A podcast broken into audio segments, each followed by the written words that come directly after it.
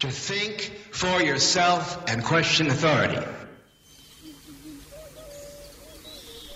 Radio na fali.com Czy jestem dobrze ustawiony, czy jestem odpowiednio głośno? Z tym wszystkim chyba tak. No właśnie, sobotni wieczór, hiperprzestrzeń, ja mam na imię Tomek. No i słuchasz oczywiście, wspomniałem przed chwilą radionafali.com Audycja jest oprócz tego retransmitowana jeszcze w radiu... Jak zwykle ja sobie ustawiam mikrofon, jak zwykle tutaj jeszcze. Ok, w radiu Paranormalium, w radiu Dreamtime, także jest w dwóch miejscach poza, poza tym miejscem. Archiwum możesz znaleźć też właśnie u Grzegorza, czyli w radiu e, Dreamtime i w radiu Paranormalium.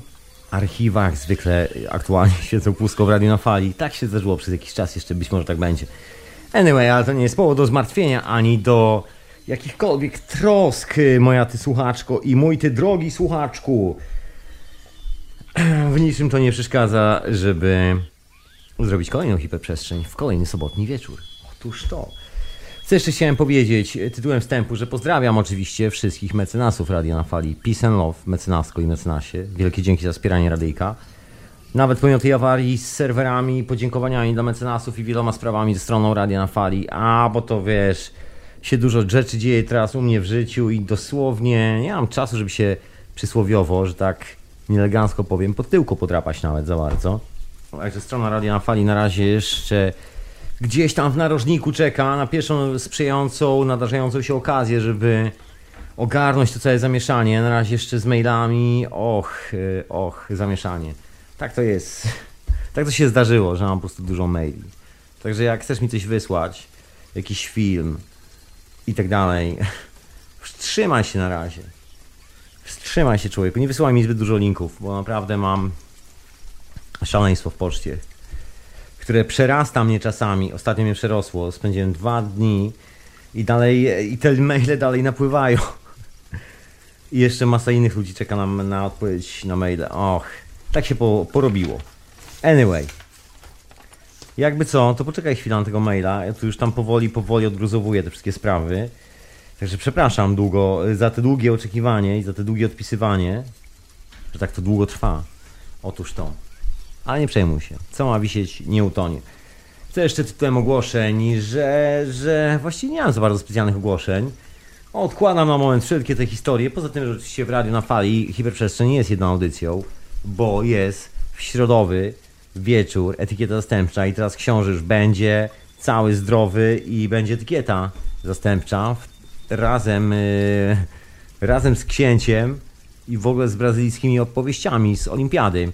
Tak, że tak powiem z backstage'a, czyli za tylnej kurtyny. Także zapraszam serdecznie. Absolutnie na środę. I tyle. Co jeszcze mogę tutaj powiedzieć ciekawego z takich rzeczy, które się tu będą działy? No na pewno będzie się coś działo w czwartek oczywiście, no bo to ciężko, żeby się nie działo w czwartek, kiedy jest mowa o keszyzmie. Oprócz tego jeszcze oczywiście w piątek o godzinie 24.00 Teoria Chaosu. To tyle, tak chciałem przypomnieć, że to wszystko oczywiście dalej się dzieje, dalej się toczy na żywca. To, że nie ma w archiwum w Radia na, fa- Radia na Fali, to nie znaczy, że sprawy w ogóle gdzieś poz- poznikały. Nie, absolutnie. Wszystko dalej jest dokładnie tam, gdzie było. I bardzo dobrze. Wcale nie chciało nigdzie iść. Czyli wszystko zawsze jest na właściwym miejscu. Mi się to bardzo podoba. Właśnie, a dzisiaj jest ciekawy w ogóle dzień, bo dzisiaj takim tematem jest, moim tematem, moich rozważań, bo jestem w, w trakcie swoich spraw i, jakoś tak nie chciałem się zbierać do jakichś poważnych opowieści wyciąganych z szafy, takich zabytkowych, ale poniekąd, poniekąd.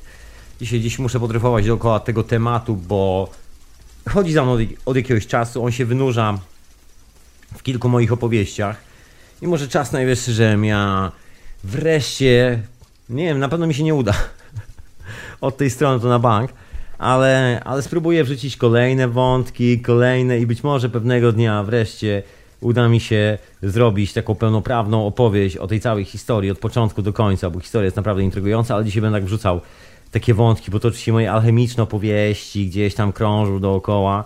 Ach, takie tam historie. Dzisiaj widziałem niezłą rzecz. Mój dobry przyjaciel pokazał mi fotosy jednego miejsca i kurde, zapomniałem jak się nazywa. Zaraz sobie znajdę, bo tu gdzieś mam na komputerze.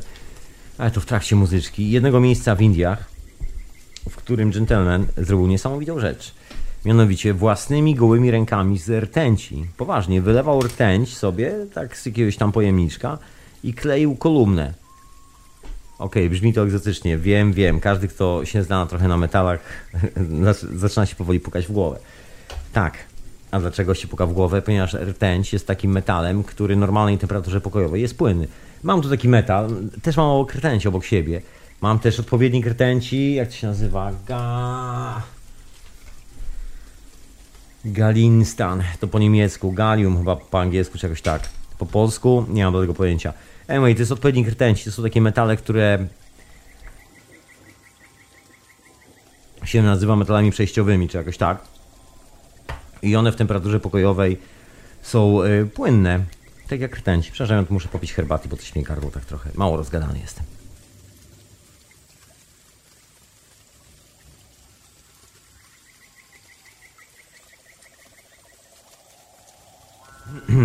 Przepraszam, muszę tu w ogóle jakoś się rozgadać. Trochę w gardle mnie trochę drapie od tego gadania. Właśnie. No i wracając do tego obeliska. No jest to mały obelisk, wygląda na jakieś 3 metry albo jakoś tak, albo i więcej. No mniejsze o jego rozmiary, nie jest mały, jest jak dwa razy człowiek, mniej więcej, minimum, albo i większy. Stoi sobie w Indiach, w pewnym miejscu. Znajdę linka i podeślę. No i co, i co z tym obeliskiem? Obelisk jest yy, właśnie obelisk jest zrobiony z rtęci. I ten gentleman robił tą historię i tak ją robił, robił, wylewając sobie rtęć na rękę i tak klejąc do tej kolumny. Przepraszam bardzo, ja mam jakiś syndrom kaszlenia aktualnie chyba. Także będę się ściszał co chwilę, żeby sobie odkasznąć. A tak to jest jak się nie, nie gadało do mikrofonu przez jakieś parę chwil. Siedziało w ciszy cały dzień. Anyway, ja może sobie wezmę coś do tej herbatki. Kurde, dodatek. Zdrowotnej wody dodam. I napiję się przy mikrofonie. Od razu lepiej. Ale wracając do tej kolumny, tak ciągle przerywam nieszczęśliwie. Gentleman skleił tą kolumnę z, oło, z ołowiu, przepraszam, nie z ołowiu, z płynnej rtęci, wlewając je na rękę i tak doklejając, doklejając, doklejając, tak warstwami. Kleił, kleił, kleił i ukleił taką na początek kulkę, takie jajko. Jajko ma bardzo dziwne właściwości. W ogóle to jest fenomen. Jak zrobić tak, żeby rtęć nie spływała? Co Indie jest gorąco, człowieku, naprawdę wszystko się leje, łącznie z potem po tobie. To nie jest kraj, w którym panują wieczne mrozy. Zapomnij o czymś takim. I w takim miejscu stoi sobie to jajko. Widziałem dzisiaj zdjęcia na takim granitowym cekole. No i dookoła jest basen z wodą i jak wchodzisz do tej wody, to generalnie ponoć dostajesz niesamowitego oświecia, oświecenia, iluminacji, czujesz się niesamowicie zdrowiejesz i tak dalej, i tak dalej. Same te wszystkie czarodziejskie rzeczy, czy jakoś tak. Kolejnym y, elementem, bo to nie jest jedna rzecz, która tam stoi, zrobiona z rtęci, jest właśnie taki cokół, który jest wysoki jak dwóch ludzi albo prawie jak trzech, sklejony też właśnie z rtęci, rękami tego człowieka. Słyszałem dzisiaj his historię o nim. Ponoć koleś jest nieprzeciętnie zabawny, dowcipny i w ogóle prowadzi takie miejsce, każdy może tam przyjść, nie trzeba płacić za bilet, wszystko jest absolutnie za darmo. Możesz prostu sobie wpaść, pomedytować, ponoć jest nieprzeciętnie tam na miejscu. W sensie myśli się naprawdę bardzo lekko. Tak słyszałem. Mój dobry przyjaciel się tam wybiera, także dowiem się od źródła jak tam jest, bezpośrednio, z pierwszej ręki. Taki będę cwany. Mniejsza o to. W każdym razie ten cokół powoduje niesamowite wrażenie właśnie w odczuwaniu świata na ludziach, którzy tam przebywają i wszystko jest absolutnie za darmo. Gentleman jest żywy, cały, zdrowy, chodzi na dwóch nogach, klei sobie te postumenty, coś takiego.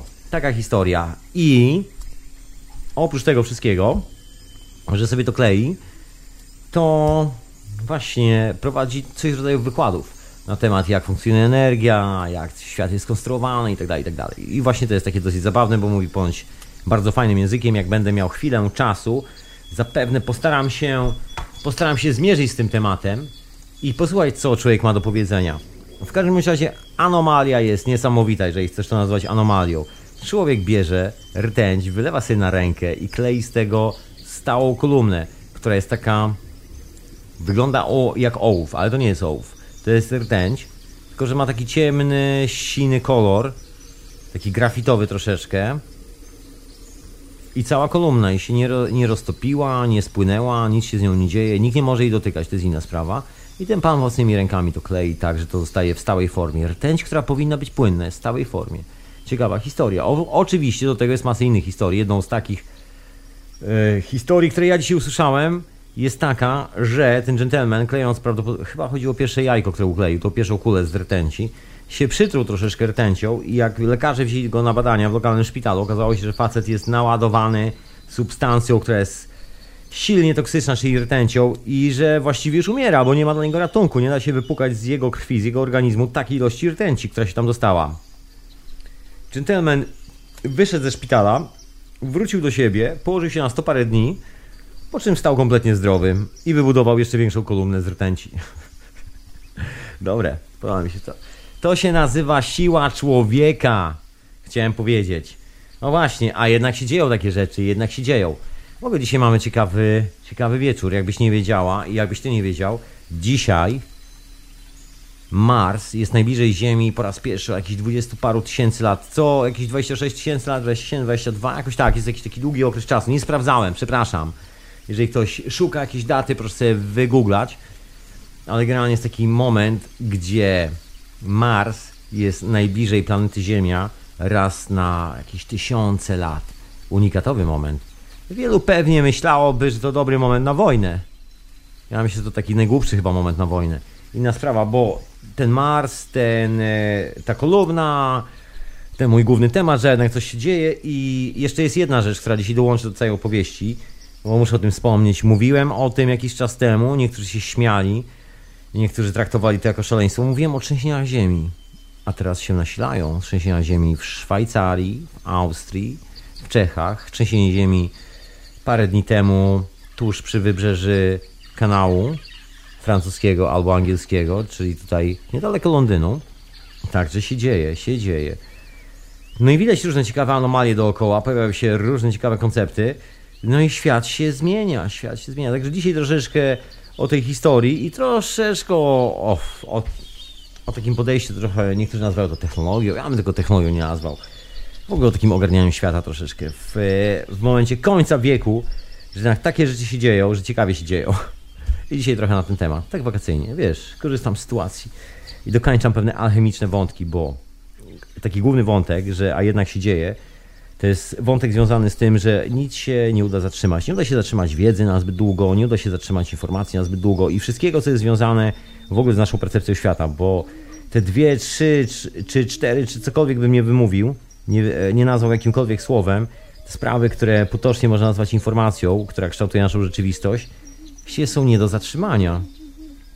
To na jakiś czas można tylko zatrzymać, nie wiem, społeczeństwo, żeby żyło w jakiś konkretny sposób, wymyślić sobie królestwo albo jakieś państwo, jakąś broń, którą będzie się terroryzowała wszystkich, wszystkich dookoła. Tylko na jakiś czas, do pewnego momentu, dopóki ktoś nie skuma, że jest coś poza to, że tak powiem, stowarzyszenie, poza tą broń, poza tę historię, i nie wymyślić coś, co obali kompletnie tę historię. Właśnie, mam tu już nazwę, podpowiedź.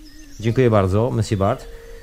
Ten gentleman z Indii nazywa się Diana Linga i już wam wklejam na czata. Właśnie człowieku, wskakuj na czata Radio na Fali. radionafali.com na stronie internetowej radionafali.com jest link do czata.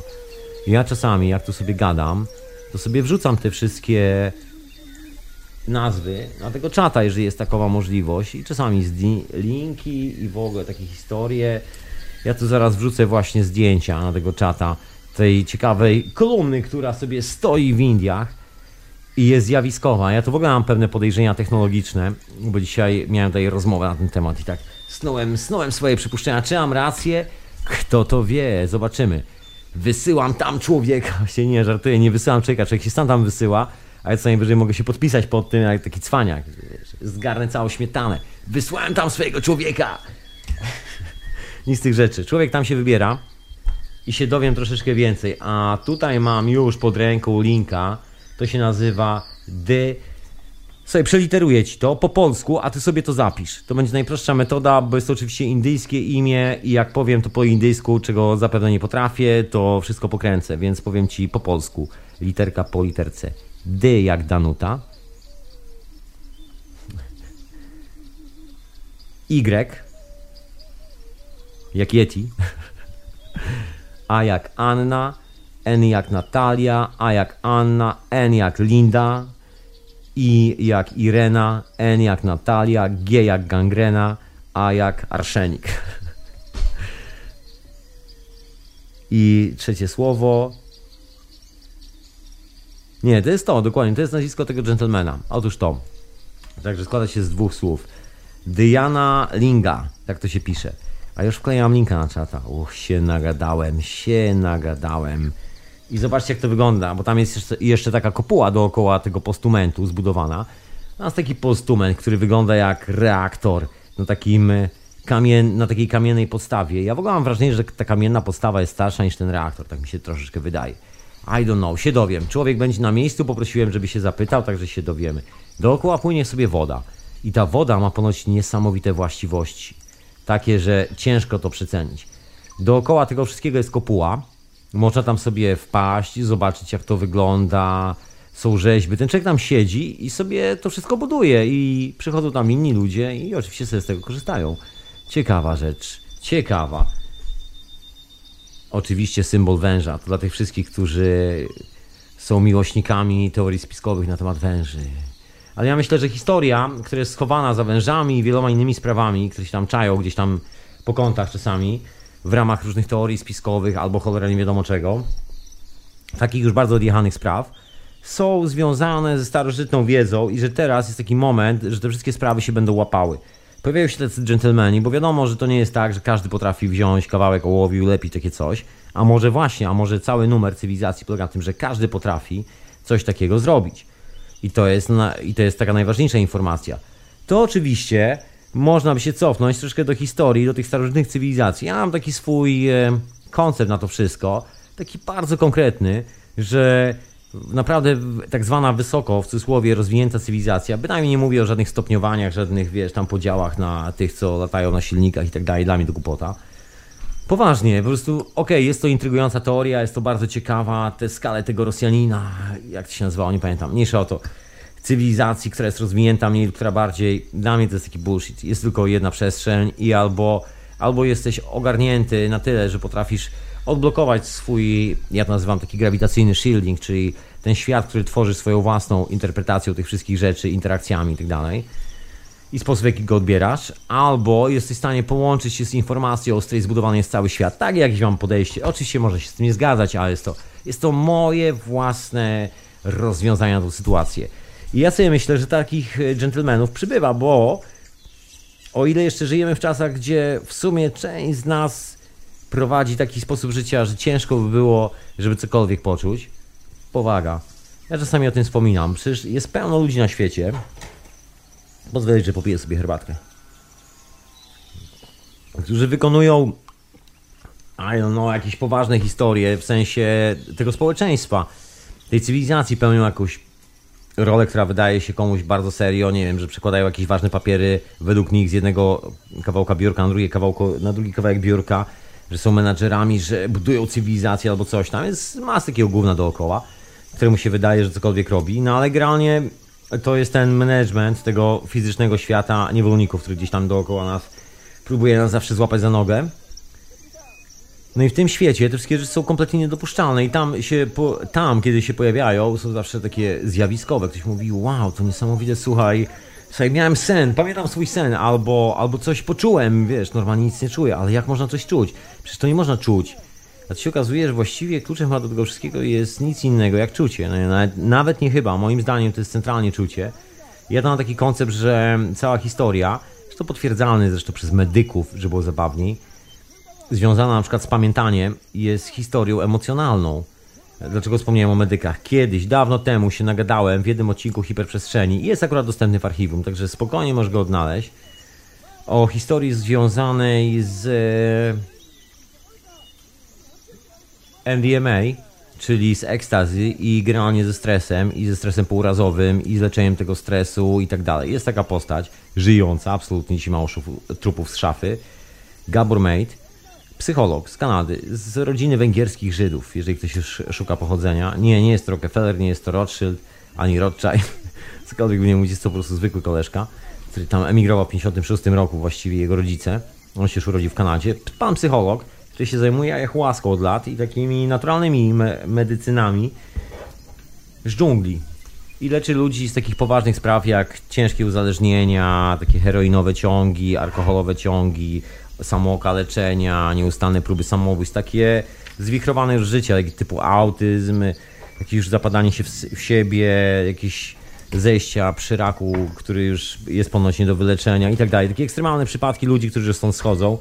Niekoniecznie dlatego, że powinni stąd zejść, a dlatego, że coś się w głowie poprzestawiało nie w ten sposób. Przestraszyli się. Taka jest końcowa konkluzja. Było coś w ich życiu takiego, że tak się przestraszyli, że siadło to tak na ich zdrowiu, że szlak ich powoli zaczął trafiać. I musieli się zgłosić na bardzo takie radykalne leczenie, taki bardzo, można powiedzieć, rescue treatment. Za pomocą ayahuaski, takich solidnych sesji właśnie z psychologiem, z lekarzami i tak dalej. I ci ludzie leczą się z raka, leczą się z, z takich śmiertelnych chorób dzięki temu. To jest fenomen. Anyway, wracając do tej pamięci, o czym chcę wspomnieć, pan doktor robi pracę naukową cały czas, to wszystko jest mierzone, badane, bo są to szpitale, to są badania kliniczne, wiesz, mikroskopy, destylatory, shakery, spektografy, ludzie w białych kitlach. Dziwne urządzenia o dziwnych nazwach, dużo kabli albo, albo jeszcze więcej szklanych i plastikowych fiolek dookoła, nikt nie wie o co chodzi. I ta grupa tych dżentelmenów robi cały czas badania, o co, co się w ogóle dzieje z naszym organizmem, skąd się biorą te historie i wygląda na to, że co dużo mówić. Jest to pamięć mięśniowa na przykład po poprzednim pokoleniu, która jest przechowywana w nas. I ta pamięć to nie jest nic logicznego, bo ani ja, ani ty nie jesteśmy w stanie sobie przypomnieć tego, co robiła nasza babcia w czwartek, nie wiem, jakieś 80 lat temu. Przecież nikt nie ma o tym żadnego pojęcia, już centralnie, bo moje tak zwane babcie ze krwi, takie rodzinne babcie, w sensie uro, urodzone po tej samej linii, to już dawno odeszły stąd. A inna sprawa, że mam taką ekstra jedną babcię, to już wiesz. Ja to mam fuksa w życiu. Anyway, pozdrawiam serdecznie, babcia, pozdrawiam serdecznie. I, e, I ta pamięć mięśniowa sobie w nas zostaje. I to jest pamięć po wydarzeniach. Ktoś kiedyś miał jakąś historię, nie wiem, na wojnie, strzał, gdzieś, coś. Kolano u mnie w rodzinie, poważnie. Dziadek został przestrzelone kolano, w ogóle historia wojenna, nie będę ci teraz tu opowiadać, rok 1920 i tak dalej. Piłsudski. Takie historie.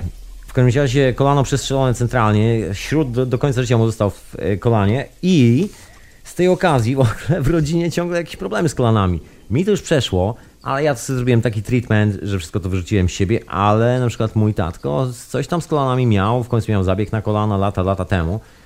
I gdzieś tam ta część rodzinki, która właśnie z tego nurtu się wywodziła, miała coś takiego, że to kolano było troszkę słabsze. Nie to, żeby było fizycznie słabsze, bo nie było żadnego genetycznego powodu, żeby coś się działo, ale jakoś tak zapatrzeni na swojego tatkę, który miał duży stres na tym punkcie, bo całe życie później o lasce chodził. Jakoś tak troszeczkę też utykali na tą nogę.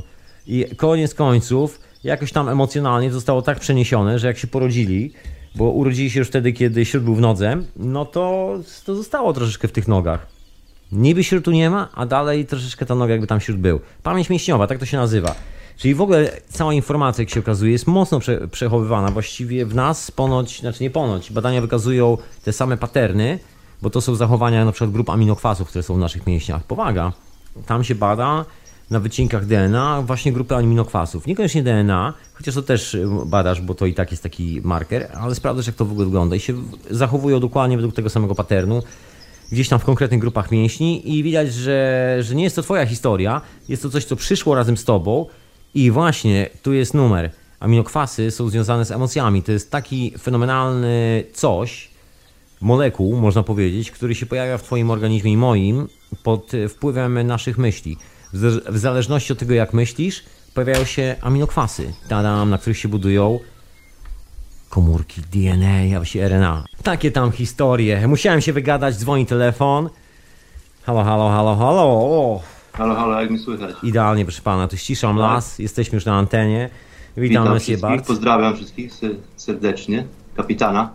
Kapitanie, taka generalnie jest prośba, czy można by było trochę głośniej dać. Chyba nie za bardzo. Próbuję co mogę, ale niestety jest to, jest to już ponad moim wysił... ponad moje wysiłki. Głośniej Rozumiem, będzie. Trzeba rozumiem. podkręcić sobie radio, wzmacniacze. Wszystko głośniej.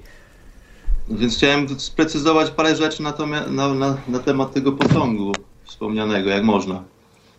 To ja poproszę, Może bo ja nie jestem parę- ekspertem, a ty wiesz może troszeczkę. Parę, może parę detali po prostu tutaj przedstawię. To ja poproszę, o, bo, o bo i tak wszystko cokolwiek co wiem, chodzi, jak- wiem od ciebie, także mów człowieku, mów, niech, niech No przemówi sko- źródło. Właśnie tak pomyślałem, skoro już o tym mówimy, to jakieś takie bardziej precyzyjne informacje może podam. Dokładnie. Więc gen- generalnie pan wspomniany to jest pewien jogin z Indii. On ma, on, on ma nazwisko takie potoczne Sadhguru.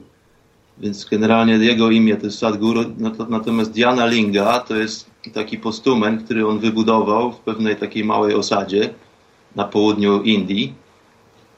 No i to jest taki człowiek, który zgromadzi już w tej chwili mnóstwo ludzi wokół siebie. To wydaje się, że to jest jakiś taki dosyć bardzo potężny świadomościowo ruch. Nie ma nic wspólnego totalnie z jakąkolwiek religią. Oni wręcz odwrotnie mówią o tym, że każdy jakiejkolwiek wiary jest, jest mile widziany tam w, tym, w tej takiej e, osadzie, że tak powiem. Lud- przyjeżdżają nam ludzie z całego świata po to, żeby właśnie doświadczyć między innymi tego, tego wspomnianego posągu. To, to się nazywa Diana Linga. E, pan Sadhguru e, twierdzi, że jest to po prostu jest to osiągnięcie z pewnego rodzaju alchemiczne, dlatego że rtęć w warunkach temperatury pokojowej jest normalnie w, w stanie ciekłym. Natomiast on właśnie w tych gorących Indiach stworzył taki postument, który jest wspomniane w różnych księgach, że może istnieć po wieki. Jeżeli są zapewnione wokół niego odpowiednie warunki, to ta struktura po prostu nigdy się nie zawali, nigdy się nie rozkruszy, będzie trwała wiecznie, ale pod warunkiem, że są stworzone odpowiednie warunki wokół niej. Właśnie, ja tak, jest, może... tak, jest to, tak jest to przedstawione. Ja tu może wrzucę szybciutko, jakie ja mam, jaką ja mam spekulację, bo dzisiaj rozmawialiśmy o tej mojej spekulacji, że ten gentleman klejąc sobie to wszystko własnymi rękami, związuje to swoimi aminokwasami. Myśląc konkretnie, zawsze się, po, zawsze się pocisz, nawet, nawet jak nie myślisz. Człowiek się poci nieustannie. Tak jest skonstruowany ludzki organizm. No chyba, że odżywia się praną, wtedy już chyba w ogóle nie poci. No właśnie, może wspomnę trochę. Poczekaj, i tak skończę, skończę o tym e, koncepcie. Aha, przepraszam.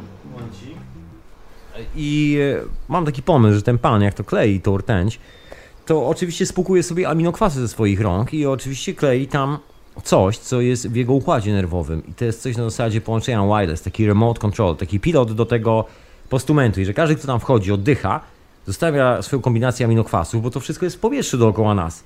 Taka jest prawda.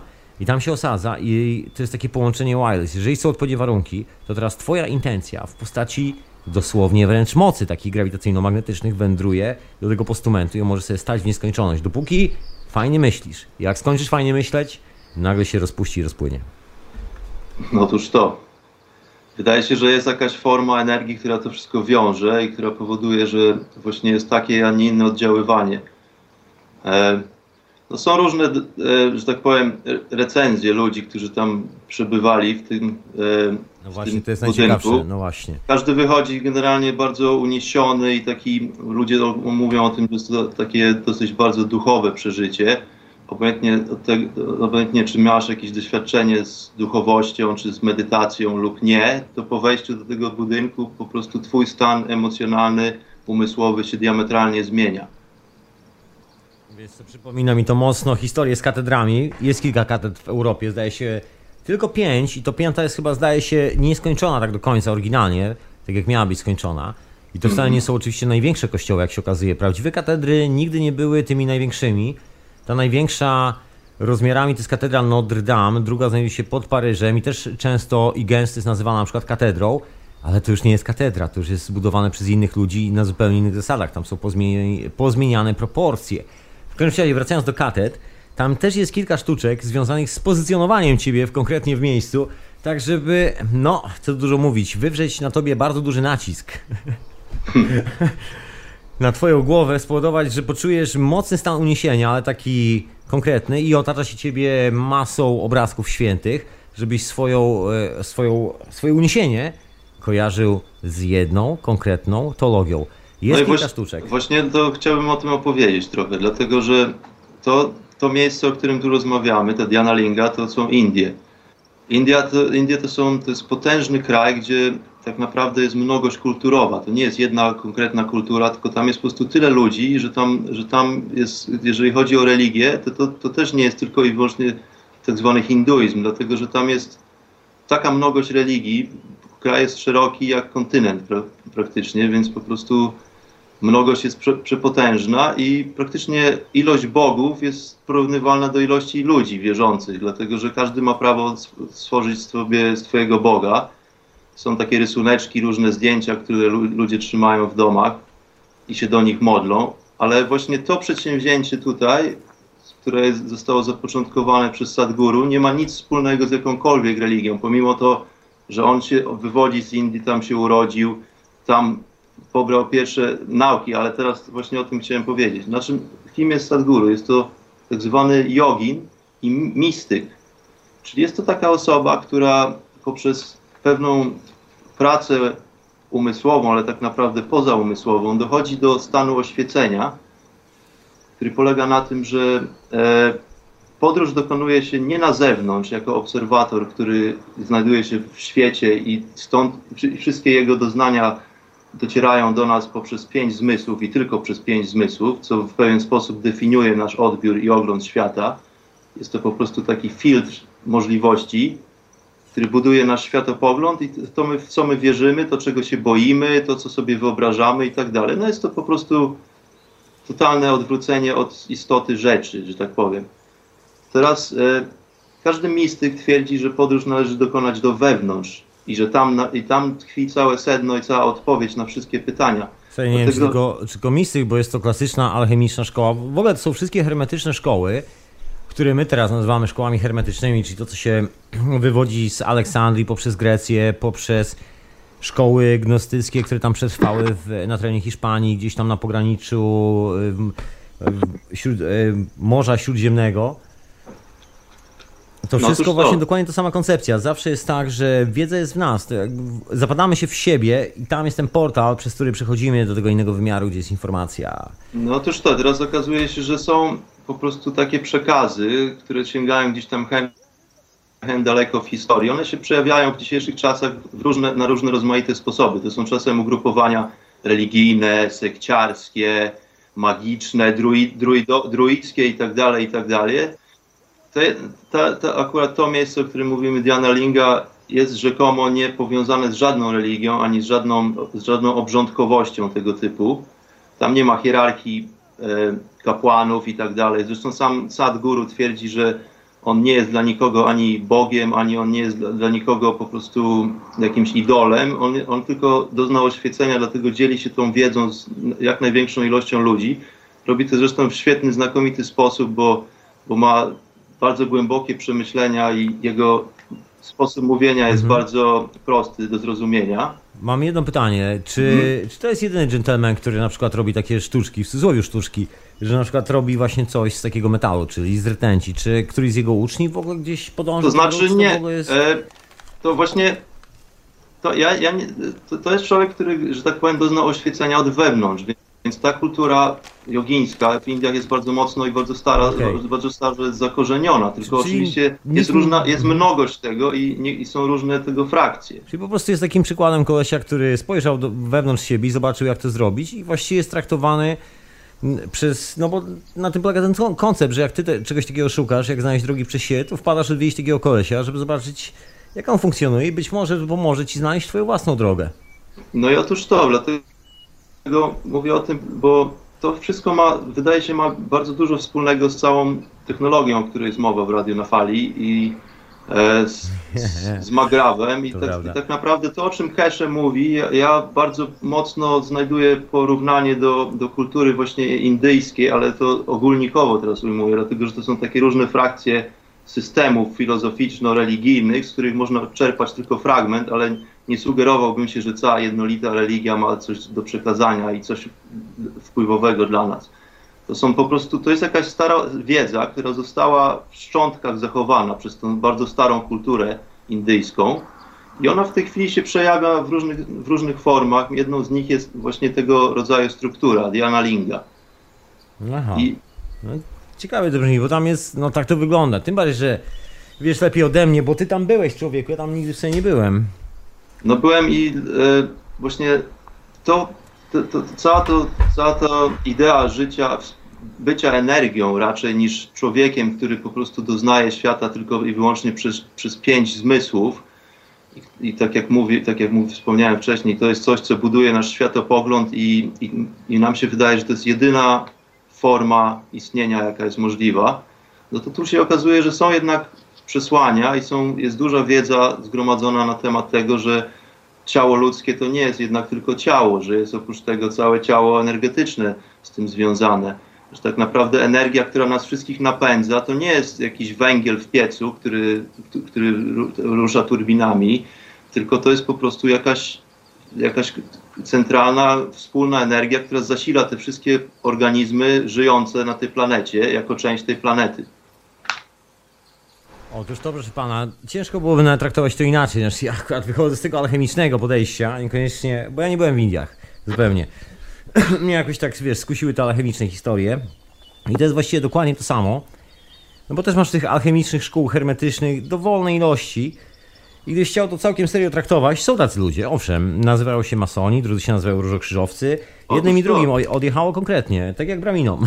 Są to po prostu różne przejawy stare, starej wiedzy, wiedzy naszych braci i to właśnie ludzie wykorzystali na różne sposoby. No jest cała historia no, czy... przecież rodu Rothschildów, którzy zdewastowali, właśnie, och, nie powiem ile świata. Zdewastowali cały, no, cały świat praktycznie, poprzez to, że wprowadzili po prostu produkt złoto na rynek, nie? Produkt Dobra, złoto został pozyskany w zupełnie inny sposób niż ludziom się wydaje, że jest to jedyna metoda, czyli, ja to... od, czyli odkrywka. Zresztą ja kiedyś wspominałem. Albo pukanie, albo pukanie koszem rzeki. Dawno temu gdzieś się pojawiła w hiperprzestrzeni opowieść o dwóch takich alchemikach, którym się udało to zrobić. Ja tak przyznam, że to właśnie tych dwóch alchemików, którzy później zniknęli gdzieś w okolicach Szwajcarii, czy jakoś tak, ale nie odrąbano im głów i wyszli z dworu cało, bo wyprodukowali tonę złota, się hmm. rozpłynęli w powietrzu, a się później okazało, że to są właśnie owi bracia. Rothschild. Się chyba Rothschild, czy jakoś tak, bo oni zawsze zmieniają nazwisko, później wypływają w innym miejscu, a dokładnie ci sami ludzie. No otóż to. Tajemnica z południa Francji. Ciekawa rzecz, no też związana z historią Jezusową tak zwaną, czyli ze świętym Gralem. No mm -hmm. i tu mhm. jest, no to w ogóle jest ciekawa historia. Ja myślę, że niedługo wszystkich nas spotka coś takiego jak, można to nazwać, rozwiązaniem naszych zagadek, dowiemy się jak to było naprawdę. Ile było tych tak zwanych Jezusów? Otóż to, ile było takich ludzi w tamtych czasach? Bo to jest, wiesz, taka historia troszeczkę. Ja nie jestem wielkim fanem akurat Jezusowej sekty, nic z tych rzeczy. Chodzi o postać historyczną, jakby traktowanie tej postaci w ogóle w jakimkolwiek kontekście historycznym. Jest tylko jeden kontekst, który ja właśnie dopuszczam e, do swojej głowy. To jest moja opinia na ten temat, także słuchaczko i słuchaczu, naprawdę nie zgadaj się ze mną, nie musisz. Absolutnie. W każdym razie musiał być e, pierwowzór. I to nie jeden, tylko nawet parę pierwowzorów tej postaci. Postać jest tam poklejona w tej książce, taki, taka ściema porobiona, ale pierwowzór musiał istnieć. I że był to ponoć jeden z tych pierwowzorów, takich alchemików można powiedzieć, którzy gdzieś tam jeszcze tą wiedzę posiadali z Aleksandrii, tudzież doznali ją własnym wewnętrznym oświeceniem, bo był ku temu właściwy moment, właściwy czas. I są jak ci dżentelmeni na przykład w Indiach, tylko że on się pojawił w innym miejscu, zrobił inne rzeczy, posłużył za kanwę opowieści, na podstawie której ktoś zrobił najbardziej zbrodniczą organizację na świecie o nazwie Watykan. I tak się to skończyło. No to po prostu jak ludzie, którzy posiedli wiedzę tajemną tak zwaną, niedostępną dla tak zwanego pospólstwa, którzy mają albo wiedzę alchemiczną, albo po prostu mieli w użyciu i w posiadaniu urządzenia takowe jak chociażby Arka Przymierza tak zwana, albo, albo w, w tradycji judai, judaistycznej, żydowskiej menora, ja, którą ja uważam, że do, do, tej pory, że jest to po prostu przykład jakiegoś bardzo potężnego urządzenia. Albo kawałek urządzenia, który albo, został. Albo kawałek, dokładnie urządzenia, które oczywiście jest zaginione i albo bardzo silnie strzeżone przez kogoś. Wiesz, masoni mają swoją historię z, z reaktorami, które nazywają, wiesz, nie wiadomo czy to jest święty graal, co jest właściwie świętym graalem. Jedna z koncepcji, taka bardzo sensowna, mówi, że właściwie nie chodzi o przedmiot, tylko chodzi o stworzenie właśnie pewnego momentu, stworzenie pewnych warunków dookoła, to jest związane z pentagramem i kilkoma innymi historiami. Trzeba użyć kilku substancji. To jest właśnie to, a to jest to ciekawe, bo się to wspomnieliśmy wcześniej. tak, tak. Dla pięć, pięć elementów. Właśnie pentagram to jest gwiazda, która reprezentuje w różnych kulturach i między innymi też w Indiach symbol pięciu różnych elementów, z których jest po prostu wszystko zbudowane i z którego my jesteśmy stworzeni. W Europie zakazano oficjalnie posługiwanie się pentagramem jako... No to co, został wyklęty jako, jako symbol diabła i tak dalej, i tak dalej. No Watykan wziął po prostu w ryzę całą kulturę. Jesteśmy przecież pod, jesteśmy pod e, okupacją Watykanu od roku 966, od chrztu Polski tak zwanego. No, na to wygląda. Nie chce być inaczej. Na Wawelu Okupacja trwa. widać, zawsze było oryginalne logo właścicieli na królewskich zamkach w Polsce. Do tej pory na Wawelu widnieje lo, logo owej włoskiej rodziny, która zbierała te informacje, manuskrypty i być może posiadali część tej aleksandryjskiej wiedzy. To jest sprawa w ogóle związana z Watykanem, dosyć mocno z przebudową w ogóle Watykanu swego czasu. Jakieś wrócę do tego wątku, bo to jest historia z ustawieniem wszystkiego na kult solarny i uciekaniem od rzeczywistego zegara, który jest księżycowy, jak się okazuje. Bo człowiek i wszystkie istoty żyją według księżycowego cyklu, a nie cyklu słonecznego, ale nie wiadomo było, który jest właściwy i którym odmierzać czas do tak zwanej, jak to nazywają e, ci sekciarze z Watykanu, apokalipsy. Czyli w dosłownym tłumaczeniu, bo to jest w oryginale po tym starohebrajskim oznacza, znaczenie tego słowa to jest koniec, e, koniec właściwie nie tyle tyranii, tyle koniec znanego porządku. Coś w ten, ten sposób. Jakieś takie, że, za, że zakończy się władza tych, którzy teraz władają, a ci, którzy teraz władają, to są ci, którzy korumpują informacje, że to historia właściwie całej cywilizacji europejskiej jest niestety sklejona, czy chcemy, czy nie. I to paskudnie jest historią e, tak zwanych hermetycznych szkół. Począwszy od Republiki Rzymskiej, czasów Platona, jeszcze Grecja. Aleksandria zdaje się była ostatnim miejscem, w którym, ale jeszcze przed cesarzami rzymskimi, jeszcze kiedy była końcówka Egiptu, gdzie można było się czegoś nauczyć i czegoś dowiedzieć. Przynajmniej tak to wygląda. Później spłynęła biblioteka, powstały tyranie i już wiedza stała się bardzo hermetyczna. Trzeba było znać właściwych ludzi, należeć do właściwej szkoły, przejść właściwe etapy, z- jak to się nazywa? Masoneria to stosuje, z wtajemniczenia, kolejne etapy i dopiero wtedy dostępowało się wiedzy. I tak oto utracono potężną ilość wiedzy, bo wiadomo, że przecież to wszystko służy tylko po to, żeby kontrolować informację, a nie po to, żeby ona się rozchodziła. Taka ciekawa rzecz. Ja tu sobie przeglądam książeczkę troszeczkę właśnie, gdzie mam takie alchemiczne rysunki. No ciekawa historia z tymi pięcioma elementami w każdej kulturze, bo to wiele kultur. No to może właśnie wspomnij, wspomnijmy, jakie to są elementy. Co to jest te pięć elementów, dlatego że każdy wie o czterech elementach. Jest to jak gdyby powszechne odczucie w kulturach różnych, czyli cztery elementy, czyli cztery żywioły, tak, tak zwane. mhm. Ogień, woda, powietrze i ziemia. No ale teraz okazuje się, że jest jeszcze jeden dodatkowy element, bez którego to wszystko nie mogłoby funkcjonować. No i po angielsku to się, to się nazywa space, ale to słowo też nie do końca opisuje znaczenie tego piątego Chodzi o elementu. Przestrzeń, dokładnie przestrzeń, Mhm. ale to jest przestrzeń nie, to nie jest przestrzeń powietrzna, tylko to jest coś na wzór bardziej eteru. To jest to, o czym mówił Tesla. To jest to, co nas otacza i to jest to, co w każdej strukturze atomowej jest obecne i jako, jako ten dodatkowy element. No nazywane jest też praną, bo to jest wiele różnych nazw, dokładnie na to samo. To jest ta, ta energia, która jest wszędzie dookoła nas. No to jest właśnie to, coś, Woda, co, w której, co, co, y, woda, w której żyjemy jako ryby. No wiesz, no jesteśmy z, jesteśmy z wody tak naprawdę. No, tam 75 czy do 80% naszej struktury tkanki to jest woda. Słuchaj, ja nie, nie, nie przez przypadek dzisiaj wspomniałem na początku audycji o Marsie, bo właśnie dzisiaj mam taki specjalny dzień, że dokładnie ten pentagram, te pięć kątów się manifestuje właśnie w kosmosie. Jesteśmy częścią jednego z tych pięciu kątów dokładnie dzisiaj, bo jest taki moment, to się, się wydarza raz na jakiś czas i dzisiaj akurat jest ten moment, kiedy ekliptyki Wenus i Marsa się spotykają, jeszcze dodatkowo Ziemi z Marsem. I to tworzy coś w rodzaju takiej przestrzennej e, bryły, która się nazywa, zdaje się, do, do dekahydron dokładnie. Kiedy połączymy orbity wszystkich tych planet, czyli Ziemi, Marsa i Wenus, razem z Marsem, też bo to są jakby dwa połączenia, Wenus z Marsem i Ziemia z, e, Ziemia z Marsem. I jeszcze oprócz tego nałożymy to wszystko na siebie, to wychodzą nam właśnie do dekahydron, do dekahyd, to wychodzi nam do dekahydron, który reprezentuje połączenie Wenus i Marsa i ten drugi nazywa się oh man, iko, ikosahydron, czyli dokładnie odwrotność, jakby odbicie lustrzane wewnątrz tego, dokładnie oparte na tych samych kątach I to jest Ale kąt... widzę, widzę, że tu kolega łaciną włada. Wiesz co, mam książkę w ręku, jestem cwany, wiesz?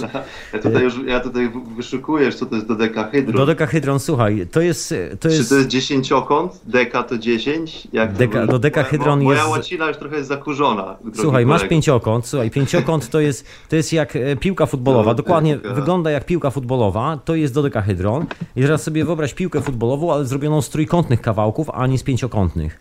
I te Aha, pięciokątne no, kawałki, widzę. to Tak, jest tak, dokładnie, To, to, to, jest, e, to jest ta druga bryła. Iko, ikosahydron, tak to się powinno, to jest po łacinie, taka jest prawda. Straszne.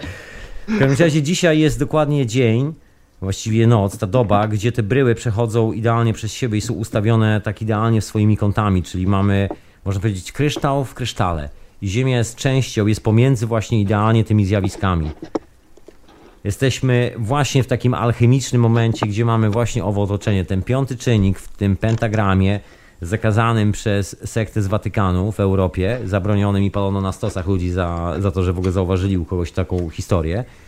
Taką Właśnie, prawidłowość. dokładnie, dzisiaj jest ten dzień.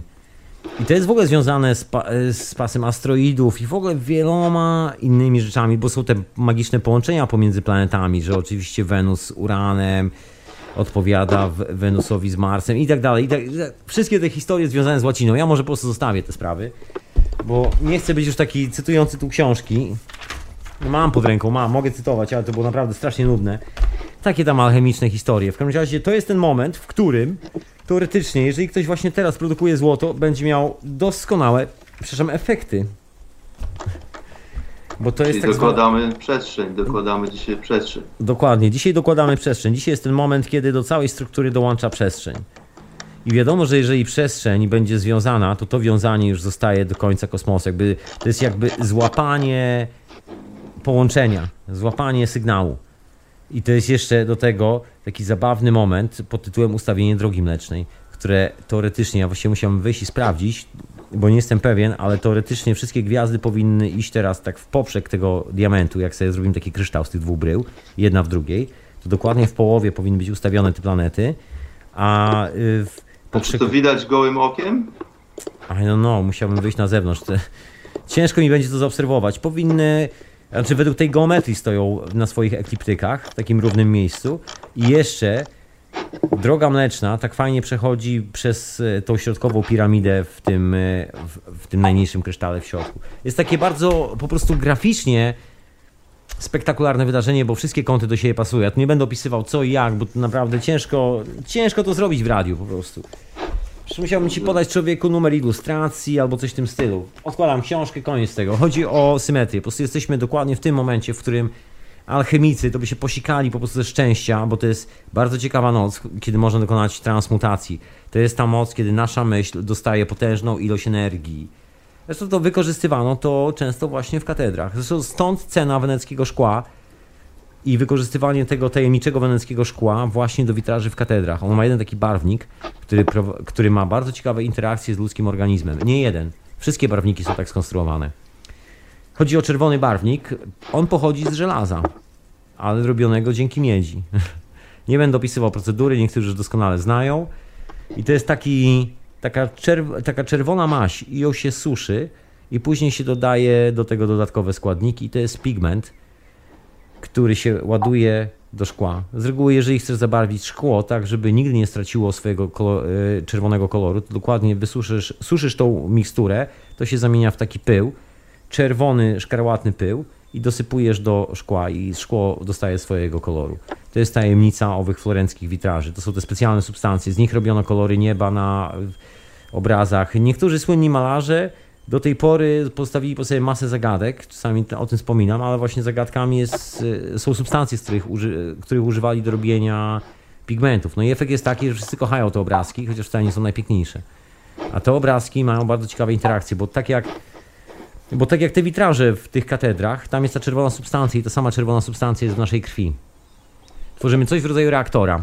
Po- Połączenie wireless. Słońce wpadając przez okna aktywuje działanie na poziomie takim y, mikrograwitacyjno-magnetycznym, te wszystkie substancje, bo to wszystko ma swój rezonans. I przefiltrowane przez ołowiane szkło z bardzo dużą ilością ołowiu tworzy bardzo ciekawy reaktor, jeżeli człowiek tam przyłoży w odpowiedni sposób miernik jeszcze do miedzianej ramki, która nie jest takiej normalnej miedzi, to nagle się okaże, że to daje całkiem nieźle prądu na takich małych zakresach. W każdym razie ma też ciekawe właściwości optyczne, bo ta fala też ulega załamaniu i do nas dociera już taki przefiltrowany obraz i czujemy się troszeczkę inaczej, kiedy mamy takie witraże w okolicy. Trudno nie zauważyć. Takie stare sztuczki.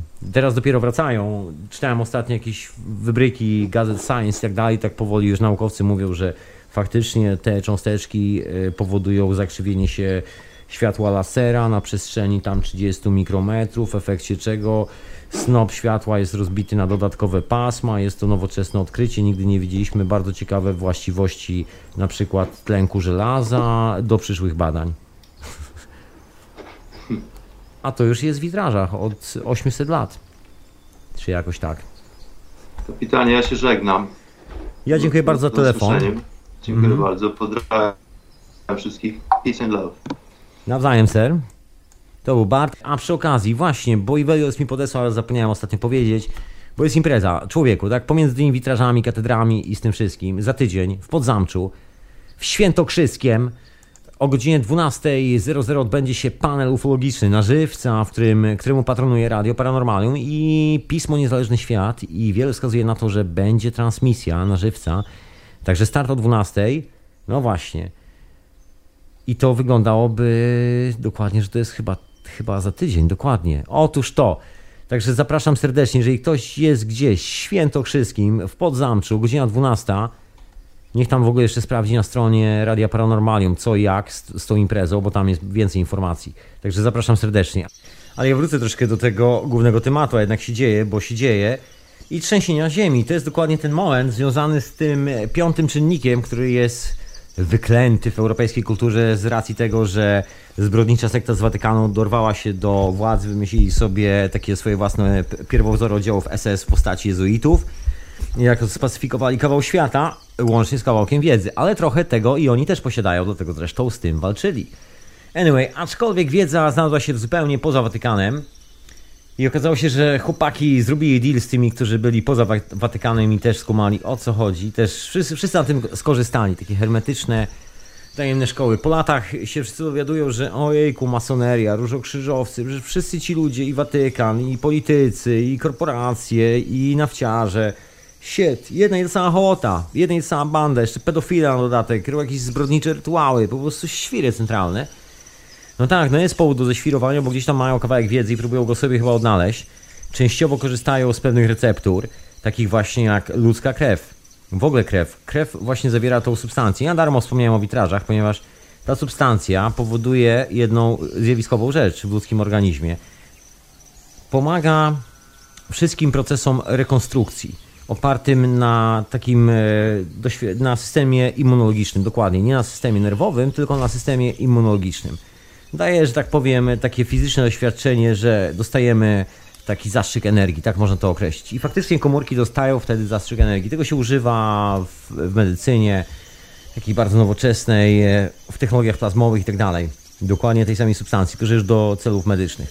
W każdym razie wtedy używano do wz- wzbudzenia w użytkownikach takowych budowli, jakimi były na przykład katedry albo specjalne miejsca i właścicieli było stać na te wypasione witraże i na specjalne obrazy zamawiane u konkretnych mistrzów po to, żeby wywrzeć wraże- wrażenie na innych. A mistrzowie strzegli swojej własnej tajemnicy i nikomu się specjalnie nie chwalili, że używają specjalnych substancji do robienia swoich obrazów, że używają specjalnych substancji do robienia swoich witraży. Słuchaj, człowieku, najlepszy przykład, powaga, najlepszy przykład w historii ostatnich tysięcy, tysięcy lat i chyba najbardziej spektakularny to jest Leonardo da Vinci, bo wiedza została przechowana między innymi dzięki arabskim zapisom, czyli tłumaczeniom z Biblioteki Aleksandryjskiej, które gdzieś tam powstały w Afryce, gdzieś powstały już poza Aleksandrią w każdym razie. I one gdzieś na początku tysiąc lat temu się pojawiły z powrotem w Europie. W sumie zawsze były, ale zawsze były tak pochowane, ale się pojawiły z powrotem. I ten koncept powrócił. To jest ta historia związana z pentagramem. Ma to kilka nazw. Jest taka oryginalna nazwa, się nazywa Sekret Siedmiu. Bo właściwie cała bryła, jest taka pełna bryła, która operuje tymi wszystkimi mocami, składa się z siedmiu, dlatego jest siedem dni i tak dalej. Siedem e, ciał kosmicznych, niebieskich właściwie. Tak to powinno się poprawnie tłumaczyć na polski, bo właśnie no, wtedy używano niebo jako niebo, nie jako kosmos, bo kosmos też wtedy był używany, ale kosmos oznaczał coś innego. Niebo, bo chodzi o sposób obserwacji. Wszystko jest bardzo sprecyzowane. Tu lekka pomyłka w rozumieniu jednego słowa może spowodować, że cała praca takiego alchemika, jego praktycznie 60 czy tam 80 lat siedzenia i robienia eksperymentów, nigdy nie zaowocują udanym wynikiem, ponieważ jedno złe zrozumienie, hermetyczne znaczenie słów tej alchemicznej technologii i jesteś już out, już się tu nie ma. Możesz do końca życia sobie mieszać te składniki.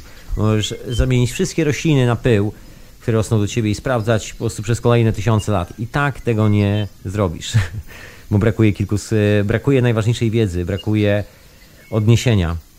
Kiedy i jak to zrobić i w jakiej korelacji w stosunku do siebie. Taki najważniejszy przepis, bo to nie jest, bo to nie jest problem, żeby wiedzieć, z czego składa się chleb. Że chleb składa się z mąki, zakwasu, wody, soli i odrobiny tłuszczu. O, oleju na przykład. Albo oliwy. I to wszystko. I teraz pytanie, okej, okay, dobra. I piekarnika jeszcze, bo do chleba trzeba piekarnik i foremkę właśnie, i foremki. I teraz składać ci te wszystkie elementy i mówię, stary, a nigdy nie piekłeś chleba. You can do it, czyli możesz to zrobić. To troszeczkę tak jakbym rozsyłał przed tobą wszystkie części, z których składa się Jumbo Jet.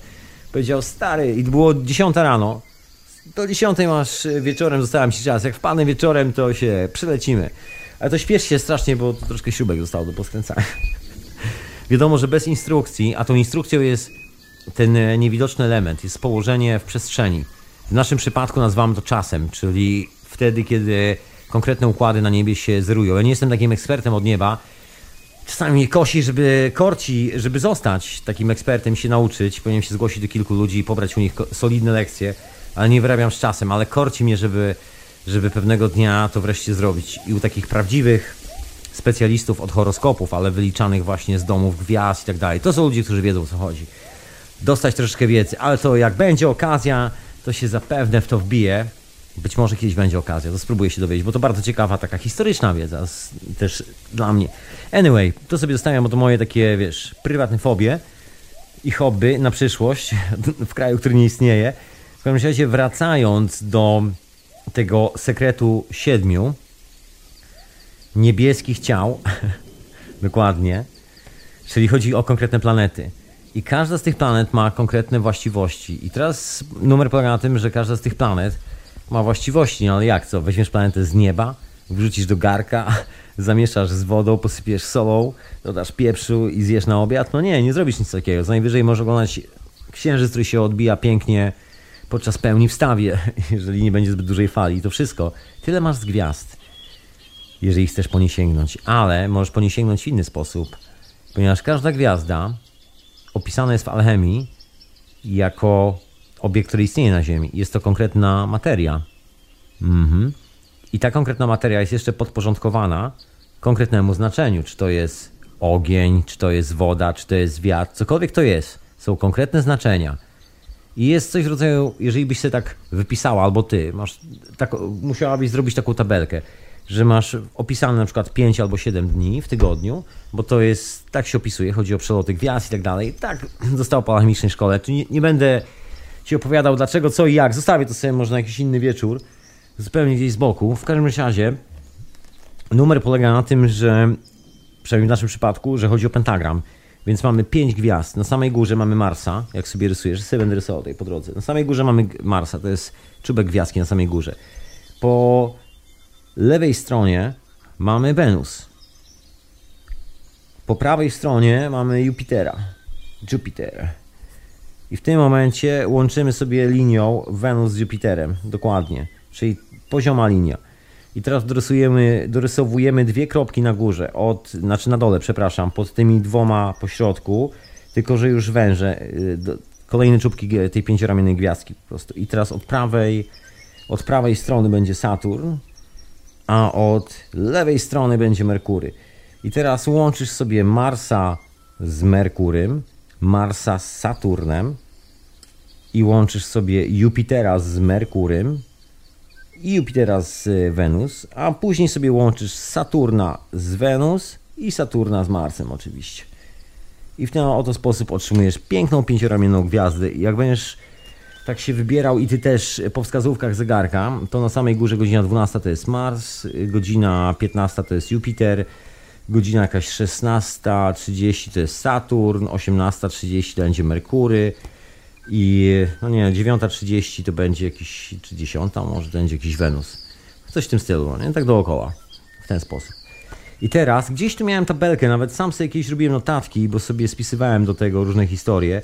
I gdzieś to wszystko mam, ale nie wiem, czy uda mi się w tym momencie znaleźć. Tu jestem osaczony troszkę bibli biblioteką, szczęśliwie, także nie biorę tego z głowy, człowieku. Jeszcze nie zwariowałem na tyle, żeby się uczyć aż tak mocno na pamięć. Czasami pamiętam, czasami zapominam. Ciężko mi to wszystko spamiętać tak non-stop. Mam gdzieś tutaj takie tabele właśnie materiałów, które są związane właśnie z tymi wszystkimi rzeczami, mocami. Gdzieś to teraz w tym momencie szukam, może uda mi się to znaleźć. W każdym razie, ciągnąc dalej ten wątek i po drodze szukając tej nieszczęsnej tabeli, jest to związane z projektowaniem, z architekturą katedr. O to właśnie chodzi, ponieważ wtedy wszystko jest pozycjonowane kosmicznie. Tam, tym piątym elementem, tym eterem, jak, jak powiedział Bart, y, tą, tą praną, tą energią, tą wodą, w której jesteśmy jako ryby, jest cały kosmos dookoła nas.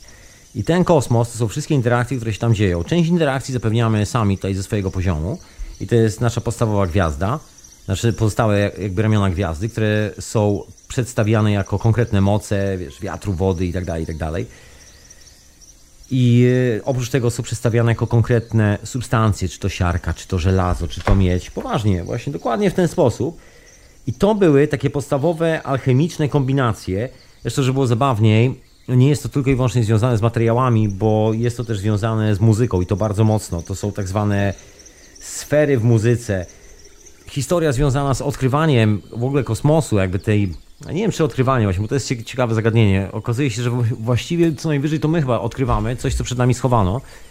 Bo cofając się do tyłu, mamy masę śladów, elementów bardzo zaawansowanej wiedzy, roz, rozrzuconej nieprzeciętnie i to tak rozrzuconej, że właściwie biorąc jakiś przykład, to nie wiem, z książki, która ma tysiąc stron, nagle się okazuje, że tylko pół kartki ma w ogóle jakikolwiek sens. I żeby to skumać, to musisz przerobić to wszystko, przeczytać jeszcze pozostałe pięć książek, które się odwołują do tej połowy kartki w jakiś tajemniczy sposób i wiedzieć, że to wszystko jest powiązane ze sobą. I te powiązania to są na przykład sekretne kody. Francis Bacon, słynna historia z Szekspirem. Masoni, którzy zakopali swój skarb nie wiadomo gdzie, żeby przypadkiem kogoś nie korciło, żeby, nie wiem, ja sobie wyobrażam, że to jest jakiś generator, który powstał po, po naszych braciach jakiś dawno, dawno, dawno temu i oni ten generator e, różokrzyżowcy ciapnęli. Wiadomo, że robił dziwne rzeczy, robił dziwne anomalie. Różokrzyżowcy dużo wiedzieli i dalej dużo wiedzą.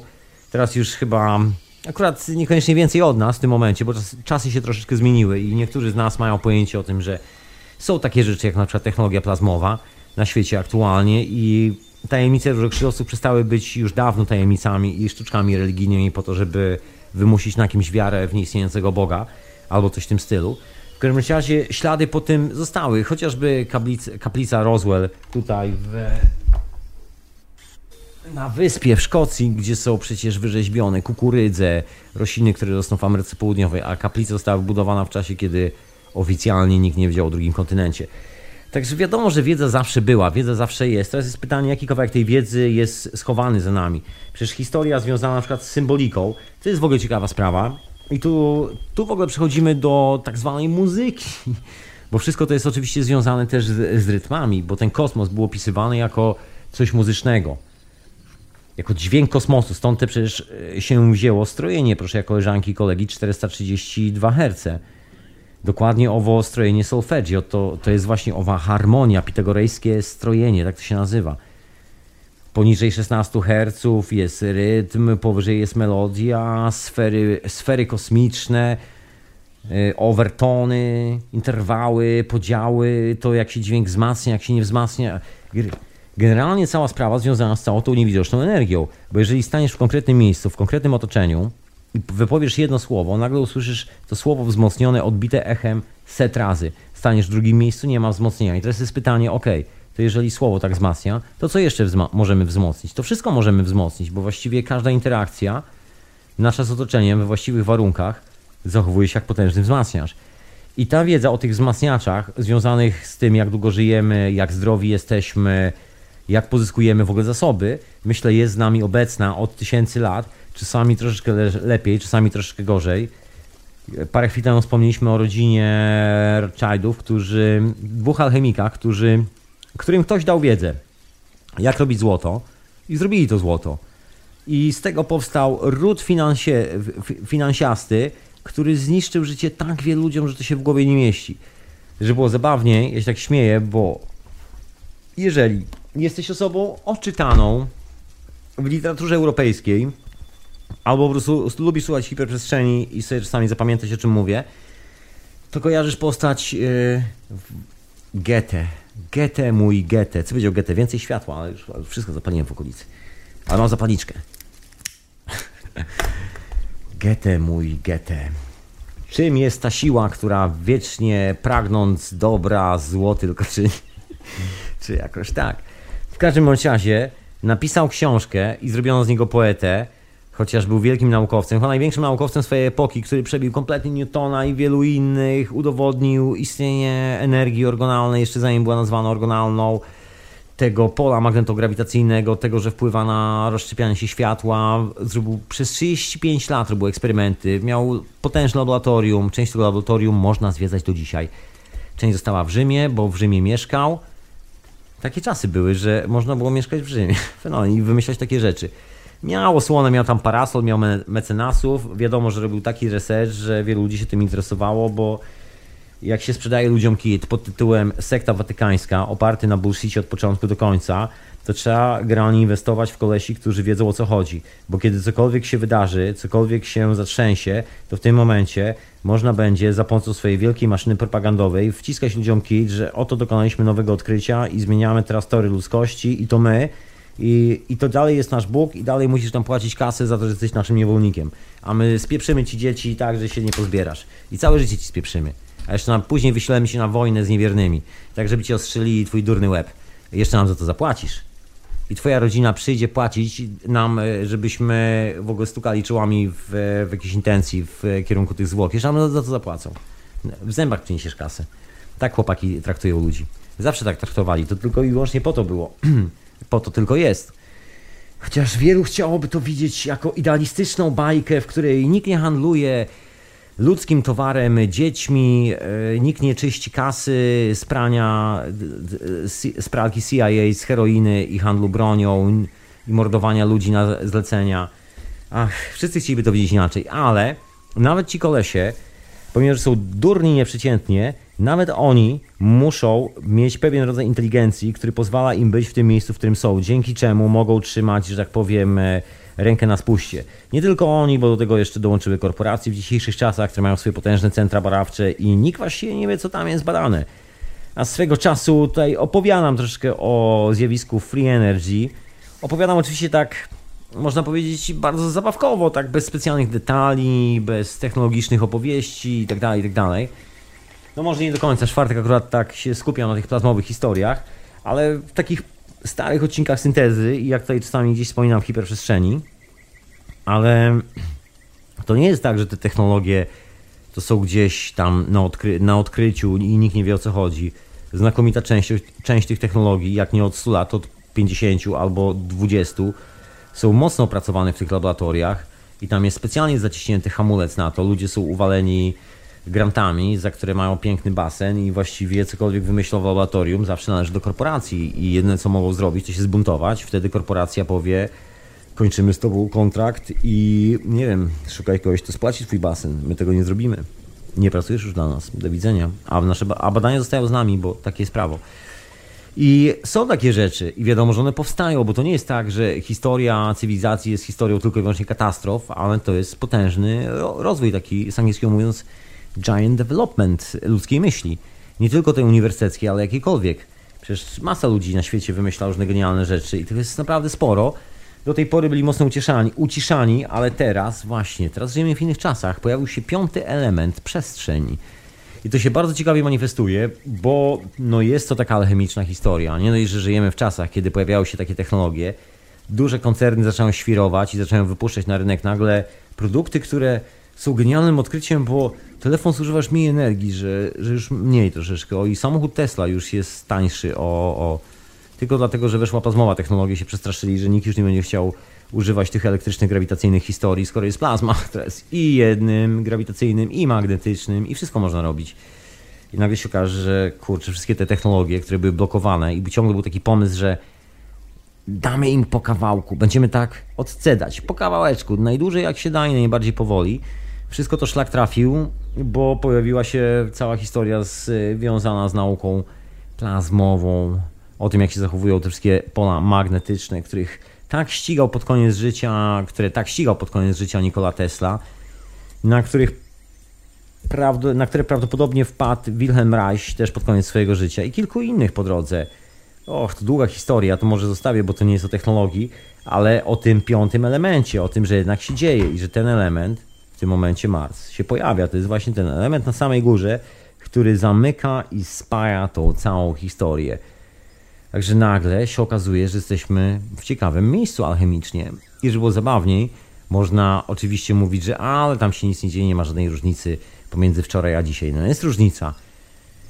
Nie było takich technologii, jakie są dzisiaj, które są dostępne wręcz na naszym biurku. Takie, że można sobie samemu zrobić, takie kosmiczne technologie, które powodują, że nagle cała ta historia związana z utrzymywaniem tej wiedzy w hermetycznych szkołach kompletnie wyciekła na zewnątrz i właściwie nie ma szans, żeby wróciła do swojego hermetycznego poziomu. Co najwyżej część z nas zostaje na takim poziomie, że stwierdzi, a zostaję niewolnikiem do końca życia przy tym stadium i do końca życia będę płacił rachunek za prąd i tak dalej, i tak dalej, i tak dalej. Ale to już jest kwestia tylko i wyłącznie prywatnego, indywidualnego wyboru. To nie jest kwestia tego, że nie ma technologii. Ja to akurat mówię i się podpieram często technologią plazmową, bo to jest mój konik, jakby taka dziedzina, w której, w której wydaje mi się, że coś kumam, natomiast no, nie jestem takim ekspertem o tych wszystkich elektrycznych, magnetycznych rzeczy, chociaż pewnie bym chciał, ale nie jestem, absolutnie. Jest wielu ludzi, którzy są naprawdę niezłymi ekspertami w tej dziedzinie i nawet w tych grawitacyjnych historiach dosyć mocno, tam gdzie naprawdę wystarczy tylko zbudować maszynę, która ma przycisk, w cudzysłowie wystarczy, trzeba wiedzieć jak. Nawet w tych historiach jest masa urządzeń, które chociażby pochodzą z czasów Tesli, gdzie jeżeli wiesz jak to zmontować, wiesz o co chodzi, jaka jest zasada, jaka jest zasada, właśnie, i co tam dodać do tego wszystkiego, to wybuduje sobie to urządzenie. I to tylko jest zabawa i wyłącznie dla cierpliwych. A teraz, jako że, no nie wiem, świat się zmienia sobie, wszystko, wszystko jest w ruchu, a jednak się dzieje. Ta cierpliwość zaowocowała tym, że no dosłownie takie potężne pole morfogenetyczne, jak w eksperymencie ze szczurami, kiedyś opowiadałem o tym eksperymencie, opowiem jeszcze raz, w Nowym Jorku i w Sydney zebrano grupę szczurków w terrarium, domek dla szczurków. I wstawiono im zadanie do wykonania. Zadaniem było przejście labiryntu, żeby dostać się do jedzonka. No i co się okazało? Szczury, szczury pokonywały labirynt z trudem. Pierwszy, pierwszy szczurek pokonywał labirynt bardzo długo, długo, w końcu pokonał. I wpuszczono kolejnego szczura, ale kolejnego szczura wpuszczono zupełnie gdzie indziej, bo w Nowym Jorku, a nie w Sydney, do tego samego labiryntu. I się okazało, że tamten drugi szedł jak po mapie. Pole morfogenetyczne. Tak jest z nami, tak jest ze wszystkim, tak jest z roślinami, kiedy rosną obok siebie, dlatego nie warto wycinać roślin dookoła drzewa. Musi być zawsze taki ochronny wał roślin, które są, nie wiem, do, które osłaniają po prostu pień drzewa na dole. To jest wszystko jeden ekosystem. My nie lubimy o tym myśleć jako całości, bo, bo ta całość czasami nas kole w oczy, w sensie udowadnia, jakimi idiotami jesteśmy jako gatunek i, i ciągle staram się trzymać jak tonący brzytwy z szalonych pomysłów. W każdym razie jest, jest ten piąty stan dzisiaj. Ten piąty tajemniczy stan i wygląda na to, że to jest po prostu włączenie tego stanu, bo są momenty, kiedy to jest on i są momenty, kiedy to jest off. Czyli kiedy jest włączone, kiedy jest włączone. To jest kolejna historia związana z alchemią, czyli to, że to wszystko się dzieje w ruchu, że to wszystko się kręci, że jeden stan energetyczny przechodzi w stan drugi. Bo oprócz tego, że mamy tą gwiazdkę pięcioramienną, to to mamy te punkty, z których każdy jest na przykład konkretnym metalem, reprezentowany przez konkretny metal, konkretną energię, to oprócz tego wszystkiego, oprócz metali i, i samych punktów geometrycznych, mamy jeszcze vortex tych punktów, czyli kierunek, w którym następuje zjawisko transmutacji. Tak są opisane wszystkie te tajemnicze gwiazdy, za które kiedyś palono na, na stosie, że na przykład ogień zamienia się w parę i tak dalej, i tak dalej. Wszystko po kolei, po kolei. Transmutacja. Od wody poprzez węgiel, do kryształu i z powrotem się rozsypuje, z powrotem się rozpływa, z powrotem twardnieje, z powrotem się na pył zamienia i wraca z powrotem po, po drodze, przechodząc przez wszystko, z czego skonstruowany jest świat. Transmutacja, historia alchemii, czyli historia tak zwanego kamienia filozoficznego. I się okazuje, cokolwiek by nie mówić, przynajmniej z tej dzisiejszej perspektywy w mojej głowie, że żyjemy w czasach, w których właśnie odkryliśmy kamień filozoficzny i to nawet na parę sposobów, bo ja tutaj akurat najczęściej w sobotę i głównie, bo tak jak powiedziałem, jest to moja historyjka w mojej głowie, opowiadam o historii plazmowej, ale oprócz tego jest jeszcze kilka metod, chociaż to zawsze jest e, tak naprawdę dokładnie to samo, tylko że oczywiście pozyskiwane różnymi metodami, różnymi urządzeniami i jakby droga dojścia do tego momentu jest taka sama. Ale efekt jest taki, że mamy ten kamień filozoficzny, mamy ten kamień, e, który był legendą alchemików, chociażby w czeskiej Pradze, że ożywiał golema. Taki kamień włożony postaci sklejonej z gliny, ale ta glina miała kilka składników, w które też wchodziły ludzkie aminokwasy. Człowieka, który to robił swoimi własnymi rękami. On wkładał kamień. I ten, kto wkładał kamień w czoło golema, ten ożywiał tą postać z gliny. I można było ulepić takiego potężnego potwora, który miał, nie wiem, wysokość kilku pięter. Trzeba było tylko włożyć mu własnoręcznie kamień w czoło. I ten kamień ożywiał tą istotę i była na nasze żądanie i wykonywała każdy rozkaz. No i żeby istotę unieruchomić, trzeba było wyjąć kamień własnoręcznie. Czyż to nie jest takie bardzo ciekawe, że mówimy o swoich własnych aminokwasach? W dzisiejszych czasach, w najbardziej zaawansowanych klinikach medycznych, gdzie stosuje się takie najbardziej, można powiedzieć, pojechane technologie, czyli już centralnie się plazmą leczy, o tym się nie mówi ludziom, ale takie urządzenia, które na przykład produkuje Jan Taratajcio, znajdują się w tak wielu prywatnych klinikach, które charge'ują ludzi tam w okolicach, nie wiem, 10-15 tysięcy czasami dolarów za dobę. Oni właśnie używają takich rzeczy, tylko nikt oczywiście o tym głośno nie mówi. Czasami są o wiele większych obudowach, bo wiadomo, że jak wydajesz 15 tysięcy dolarów na dobę w takim hotelu, to urządzenie nie może wyglądać jak mały zaper, który bierzesz do ręki, bo się zastanowisz, fakt, za co ja płacę, tylko urządzenie wygląda jak wielka ściana z gałkami, ale jest dokładnie to samo. Zresztą robione często przez tych samych ludzi na zamówienie właśnie do tych klinik. Oczywiście wszystko to łączone jest takimi najbardziej, najmniej inwazyjnymi oficjalnymi technikami medycznymi. To jest na takim pograniczu. Bardzo nowoczesne rzeczy to w kosmos, jest wysyłany kawałek tej technologii do leczenia. Poważnie, Rosjanie są ekspertami w tej dziedzinie. Amerykanie to kawał, że tak powiem, idiotów pod tym względem. Tak się czasami ktoś trafi i od razu jest wykańczany przez korporacje, jeżeli już jakiś prywatny research. Natomiast Rosjanie pod tym względem i logika myślenia, i w ogóle łapanie tematu to są mistrzowie świata. Przynajmniej jak na razie. Ludzie w Indiach, ludzie w Chinach, ludzie w Afryce, ci mają o co chodzi, to bez żadnych problemów. Natomiast reszta świata ma bardzo poważny zgryz z tą technologią medyczną bo po prostu nie chce, chce się trzymać tabletek i korporacji, bo to jest też wymuszone, to nie jest tak, że chce, nie chce, to jest tak, że jedyne co widzisz, to widzisz ogłoszenia i reklamy dużych korporacji, także nawet nie wiesz, że istnieje w ogóle jakikolwiek drugi świat, jeżeli istnieje, to jest, to jest z reguły w propagandzie przedstawiane jako zło, najgorsze, coś, co cię zabije, jakiś ciemnogród. I to wszystko, o takich rzeczach naukowych ci nikt nie mówi, że pobiera się twoje aminokwasy i w tych klinikach kiedy jest taka potrzeba, dokładnie za pomocą kilku różnych dziwnych, szwanych sztuczek tworzenia po prostu odpowiedniego pola magnetyczno-grawitacyjnego za pomocą na przykład urządzeń elektrostatycznych produkuje się komórki macierzyste, produkuje się twoje aminokwasy, które się później ładuje do urządzeń, żeby cię wzmacniało, bo wiadomo, że to działa lepiej wtedy. No różne takie historie. Głośno się o tym nie mówi, bo to wiesz, za dużo kosztuje, jest taka elita na świecie, którą stać na te ekskluzywne kliniki, a reszta motłochu niech wpieprza tabletki i się wykręca po paru latach do góry nogami. To wystarczy. Mamy ich ubezpieczenia w kieszeni. I do tego się to sprowadza. I ten piąty czynnik jest dosyć znany. Tylko i wyłącznie hermetycznie, nawet e, w dzisiejszych czasach, jeżeli chodzi o medyczne historie. Szczęśliwie właśnie ta hermetyczność w tych czasach się skończyła. Ten piąty czynnik, być może właśnie to jest ta informacja, słuchaj, że się odblokowuje właśnie wtedy, kiedy kończą się duże cykle. Ciekawa rzecz jest w, w horoskopach, ale takich prawdziwych horoskopach, w takiej astrologii prawdziwej, nie takiej gazetowej. Chodzi o długie cykle jest tam mowa o długich cyklach planet, że przechodzą bardzo długo, zanim się z powrotem pojawią w tym samym miejscu na niebie. I te długie przejścia zwiastują takie bardzo radykalne zmiany, zmiany związane z naszą percepcją rzeczywistości. To nie jest wcale dowcip.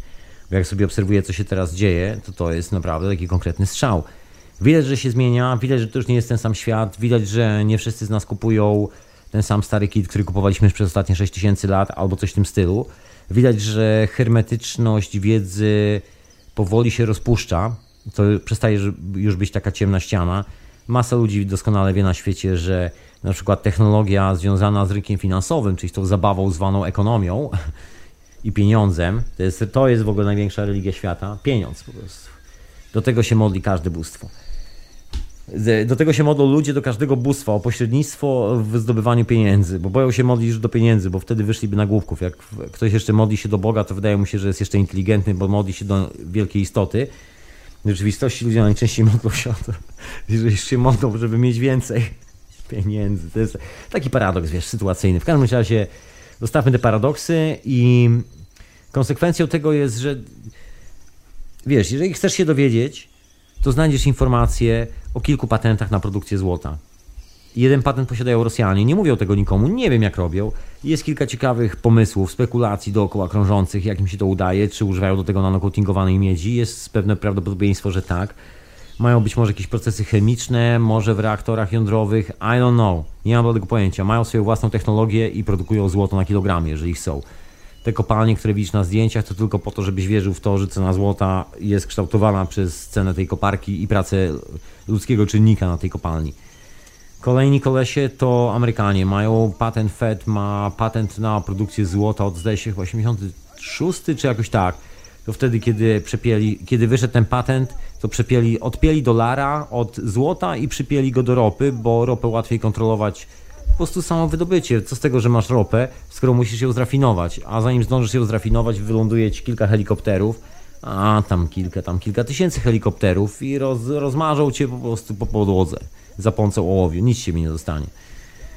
I tak się to skończy. Także łatwiej kontrolować olej niż złoto w momencie, kiedy jest już technologia na jego produkcję. Z benzyną też jest zabawna sprawa, benzynę można sobie produkować. Taki też w sumie łatwy proces. Jeżeli ktoś chce poszukać, to sobie znajdzie. Nawet e, ostatnio gdzieś trafiłem materiał, że jeden gentleman e, w, chyba u Alexa, polecam serdecznie, świetny materiał właśnie na temat w ogóle wynalazków tak zwanej wolnej energii. Poważnie, na stronie porozmawiajmy.tv u Aleksa Bedrowicza jest taka bardzo fajna rozmowa z pewnym gentlemanem, który chciał zachować swoje dane w anonimowości. I on opowiada, bo jest takim mocnym praktykiem montowania tych urządzeń od strony właśnie Tesla i tak dalej. Ma naprawdę potężną wiedzę, której nawet ja nie mam. I to taką praktyczną, bo ja aż tyle człowieku nie zrobiłem, nigdy w życiu nie robiłem tyle i nie zajmowałem się przede wszystkim tyle lat tematem, także jestem naprawdę taki żółtodziób przy tym dżentelmenie, jeżeli chodzi o, o konstruowanie tych urządzeń w praktyce i rozwiązanie, i sprawdzanie, które rozwiązanie się nadaje do takiego życia normalnego, kiedy wiesz, masz chatę z dala od prądu i trzeba coś zrobić, żeby to wszystko działało. Także nawet, nawet tam padły e, te informacje, jak to sobie zrobić. Wiadomo, że kilku ludzi produkuje. Na przykład w strefie gazy jest produkowana ropa, kilku ludzi sobie produkuje, bo wiadomo, że tam Izrael nie pozwala wjechać nikomu, ani lekarzom, ani pielęgniarkom, ani ropie, ani jedzeniu. Takie getto. Dokładnie tak samo jak naziści w Warszawie. Niczym się to nie różni. Zresztą prawda jest taka, że robią to potomkowie tych, którzy wymyślili getto w Warszawie, bo getto w Warszawie, jak wszystko na to pięknie wskazuje, zostało wymyślone w Nowym Jorku na biurkach Fundacji Rockefellera jako taki zabawny pomysł na życie. I jak się okazało, niewiele się zmieniło.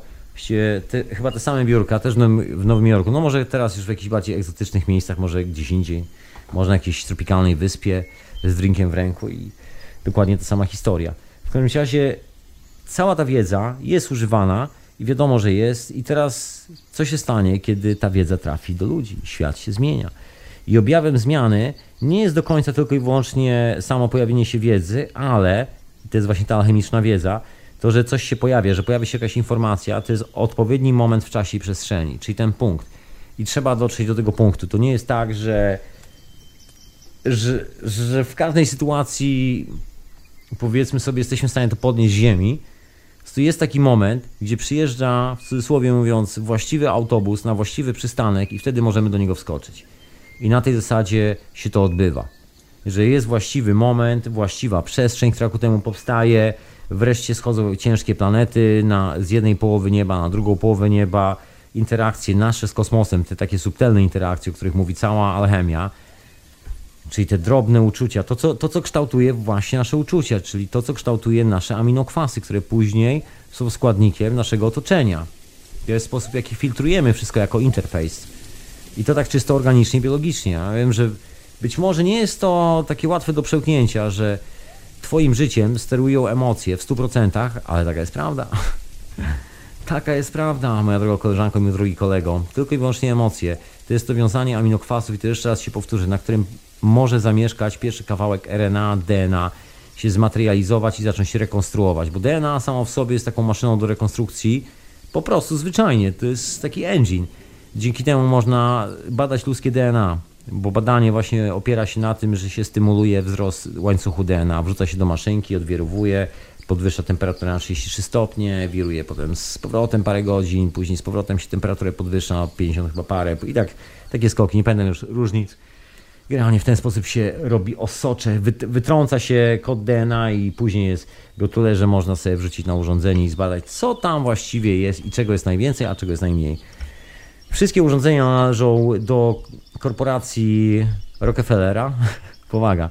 To jest firma, która to produkuje i to jest jedna firma, która ma patenty na te wszystkie urządzenia do badania DNA na całym świecie. Mhm. Dokładnie tak to wygląda. Także nawet ta informacja była blokowana, a tu się okazuje, że właściwie w nowych czasach, które już mamy, to też nie za bardzo potrzeba jakichś wielkich, wyspecjalizowanych laboratoriów do robienia takich interakcji z naszym organizmem, chociażby te wszystkie historie medyczne. Zaczynając od biorezonansa, kończąc na tych wszystkich najnowszych rzeczach związanych z technologią plazmową, które po prostu miażdżą, bo to kończyny odrastają, ciekawe rzeczy się dzieją. Oczywiście trzeba odpowiednio przygotować sprzęt i tak dalej. Nie jest to takie, że każdy to zrobi od razu, przynajmniej jeszcze nie teraz, ale myślę, że za parę chwil tak właśnie będzie, bo to już właściwie się dzieje. To jest właśnie ten moment. I teraz jest pytanie, czy ten moment zawsze ma swojego człowieka? Chyba tak, chyba nawet ma paru ludzi. I to podejrzewam, tak nawiązując troszkę do tego sekciarstwa z Watykanu i w ogóle tych pomysłów, które się tam pojawiły na kanwie tego sekciarstwa. Jest to trochę starsze, bo i straszne. To starsze pochodzi, pochodzi, o, to się nazywa zaratustrianizm, czyli ofiarowanie siebie dla jakiegoś bóstwa, dosłownie wręcz.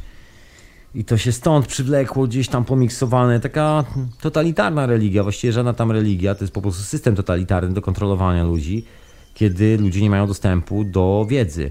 Kiedy jedyną wiedzę ma bardzo wąska grupa kapłanów i władców. I cokolwiek się dzieje, to oni wyświetlają sobie różne takie cyrkowe sztuczki i dzięki temu pokazują, zobacz, to jest moja moc. Potrafię na przykład zrobić zdalnie taką sytuację, że wywołam burzę albo wiesz, cokolwiek. No i w tym momencie normalne jest to, że człowiek, który nie ma takiej wiedzy, no raczej klęka na kolanko, bo you are my master. Bo ten człowiek może sprowadzić ci zagładę na głowę takim stryknięciem palców, przynajmniej tak to wygląda i jeszcze do tego ma zbirów z nożami, którzy zanim on stryknie palcami i tak ci obetną głowę i to jest taki słaby numer troszkę w całej tej opowieści. I tak się pojawiły te wszystkie totalitarne systemy. Przecież nigdy nie było tak, żeby ludzie dobrowolnie chodzili do kościoła. Zawsze muszą tam zanieść swoje dzieci. Czy to jest kościół spod gwiazdy Dawida, czy to jest kościół spod półksiężyca, czy spod krzyżyka, czy jakikolwiek inny. Zasada jest dokładnie taka sama. Wszędzie. Nie, nikt nie, nie stara się, żeby był jakikolwiek wybór, bo jest za tym schowana wiedza też. I ta wiedza sobie tam kursuje, bo przecież wszystkie te tajemnice związane, ci się tak e, wieszam troszkę na tych sekciarzach z Watykanu, tych psychopatach, ale oni mają doskonałą bibliotekę, bo dzięki temu chłopaki przetrwali setki lat. Właśnie dzięki temu, że co jak co, może wierni stawiają na wiarę, ale oni raczej stawiają na wiedzę, bo robią tak krzywe numery, że jedyne co może ocalić im dupę, to jest wiedza. Czyli jeżeli będą wiedzieli, jak skutecznie manipulować środowiskiem dookoła, jak na przykład robić to, jak robić tamto, siamto, leczyć i tak dalej, to być może wtedy wreszcie uda im się sprowadzić taką kontrolę totalną i wtedy nie będzie ryzyka, że coś wyskoczy spoza kontroli. Bo zawsze jest ryzyko. Przyjdzie no, nowa sekta, która jest jeszcze bardziej brutalniejsza od nas i nas wytnie. To jest przede wszystkim chyba pierwsza obawa takich kolesi. I dzięki temu ta wiedza trzymała się pięknie w piwnicy. Bo przecież to przetrwało. Te alchemiczne pracownie funkcjonowały. Był jeden taki moment w historii Europy. To był okres wojen 30-letnich. Przepraszam, były dwa Pierwszy to jest okres wojny, wojen 30-letnich, a drugi to jest okres tuż przed krucjatą abigejską, czasy, kiedy powstawały katedry. Bo katedry były budowane przez gnostyków, a nie przez katolików, ani chrześcijan. Gnostycy posiadali wiedzę, ową hermetyczną wiedzę, dlatego te katedry są tak troszeczkę inaczej wybudowane i składają się właśnie z owych ciekawych witraży, bardzo ciekawe kombinacje kamieni, posadzek, z których są zbudowane właśnie te kościoły, znaczy nie, nie zbudowane z posadzek, tylko sposobu, w jaki są zbudowane posadzki w tych kościołach. Jeżeli sobie poprzykładasz takie bardzo czułe mierniki pola, to zobaczysz, co się tam dzieje. Jeżeli wrzucisz tam dużo ludzi do środka, to wiadomo, że każdy z nas jest dużym reaktorem. Wiadomo, że to się zachowuje jak reaktor. I wiadomo, że można prowokować pewne reakcje spontanicznie, czyli stany uniesienia, stany uleczenia. Dlatego niektóre kościoły, stare katedry, te jeszcze oryginalne, poza tym w kilku innych kościołach też udało się otworzyć tą sztuczkę, bo to nie jest tak, że ta wiedza zniknęła razem z wycięciem gnostyków. Kilku z nich się uchowało i tą wiedzę sobie przekazywało. Kilku z nich zrobiło deal być może z Watykanem i przetrwało. Nikt tego nie wie. To są wszystko tak tajemne, tajemnicze historie, że to w ogóle obawiam się, że nie ma czegoś takiego jak kroniki do, do tych wydarzeń.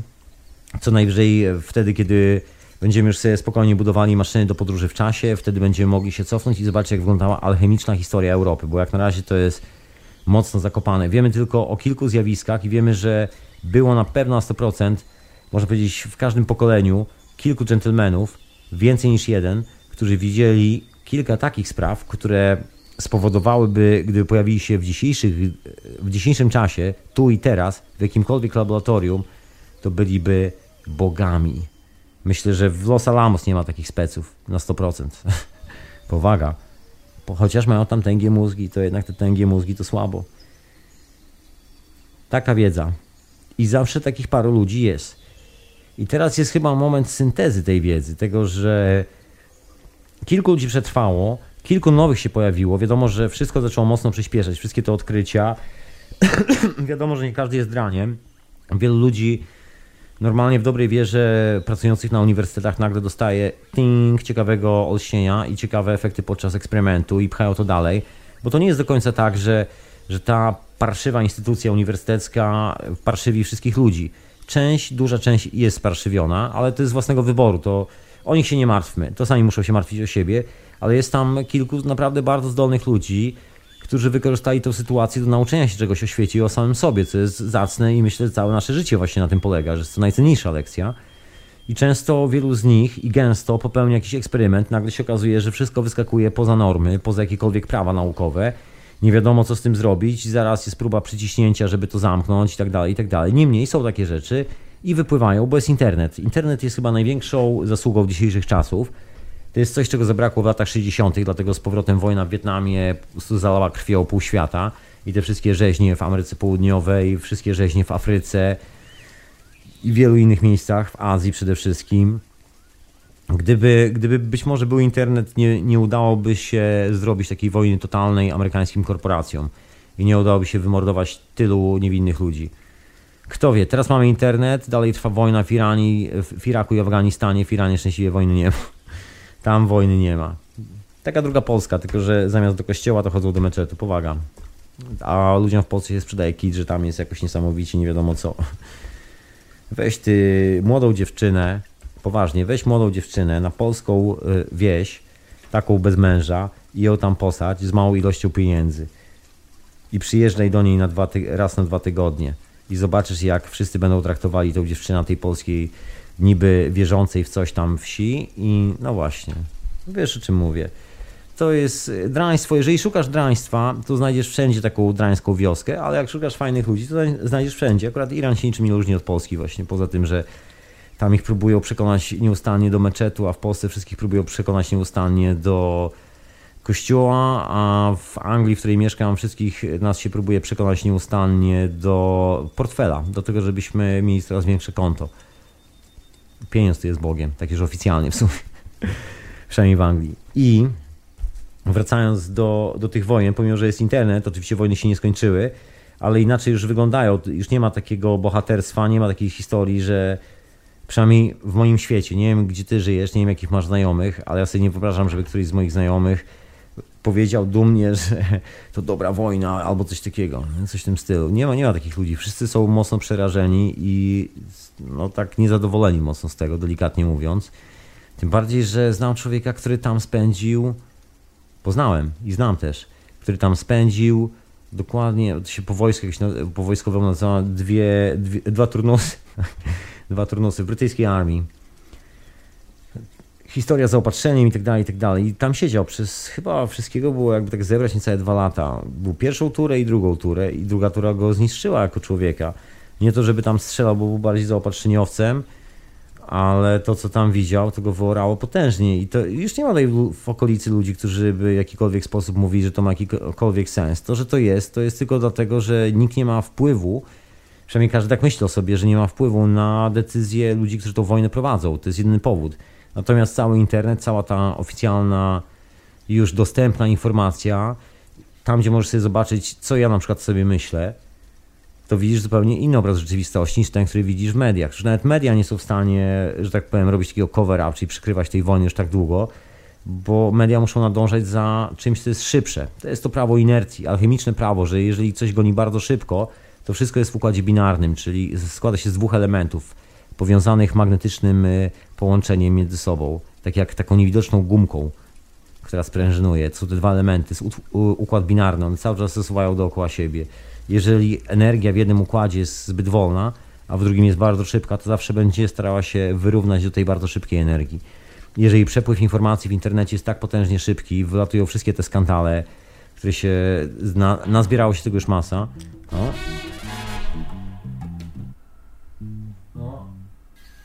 Jeszcze nie, jeszcze nie. A nazbierało się tego naprawdę dużo, tych wszystkich parszywych historii i teraz wypływają. I nie da się tego zatrzymać. Wielu ludzi tam pomstuje czasami internet to tylko dla głupków, bo tam za dużo informacji. Ale za dużo informacji tylko i wyłącznie dla tych, którzy się boją tych informacji. Dla nich zawsze będzie za dużo, dla nich zawsze to będzie głupia informacja, ponieważ jedyna informacja, na jaką oni trafiają, to jest informacja dla nich skierowana. Są tacy ludzie, którzy chodzą tylko i wyłącznie po serwisach internetowych, żeby oglądać dekolty oraz y, komu się podwinęła sukienka, albo jakoś tak. I normalne jest to, że ci ludzie raczej na nic inteligentnego nie wpadną. Chociażby tylko dlatego, że kiedy mają dwa obrazki do wyboru, to mimowolnie, mimowolnie, odruchowo klikną na ten dekolt na zdjęciu i akurat tak się już potoczyło. To jest energia po prostu. Gdzie indziej ich zabija. Także ci ludzie zawsze będą marudzili, że w internecie jest za dużo, że nieprawda, że fałszywe, że nie wiadomo czego się słuchać. A to jest po prostu informacja. To jest ślad y, tego momentu, w którym jesteśmy, tego piątego elementu, że jednak się dzieje i że mocno się dzieje i że teraz być może się manifestuje dokładnie ten moment tej przestrzeni, która spaja wszystko, tą pięcioramienną gwiazdę, czyli symbol i esencję naszej egzystencji, można powiedzieć.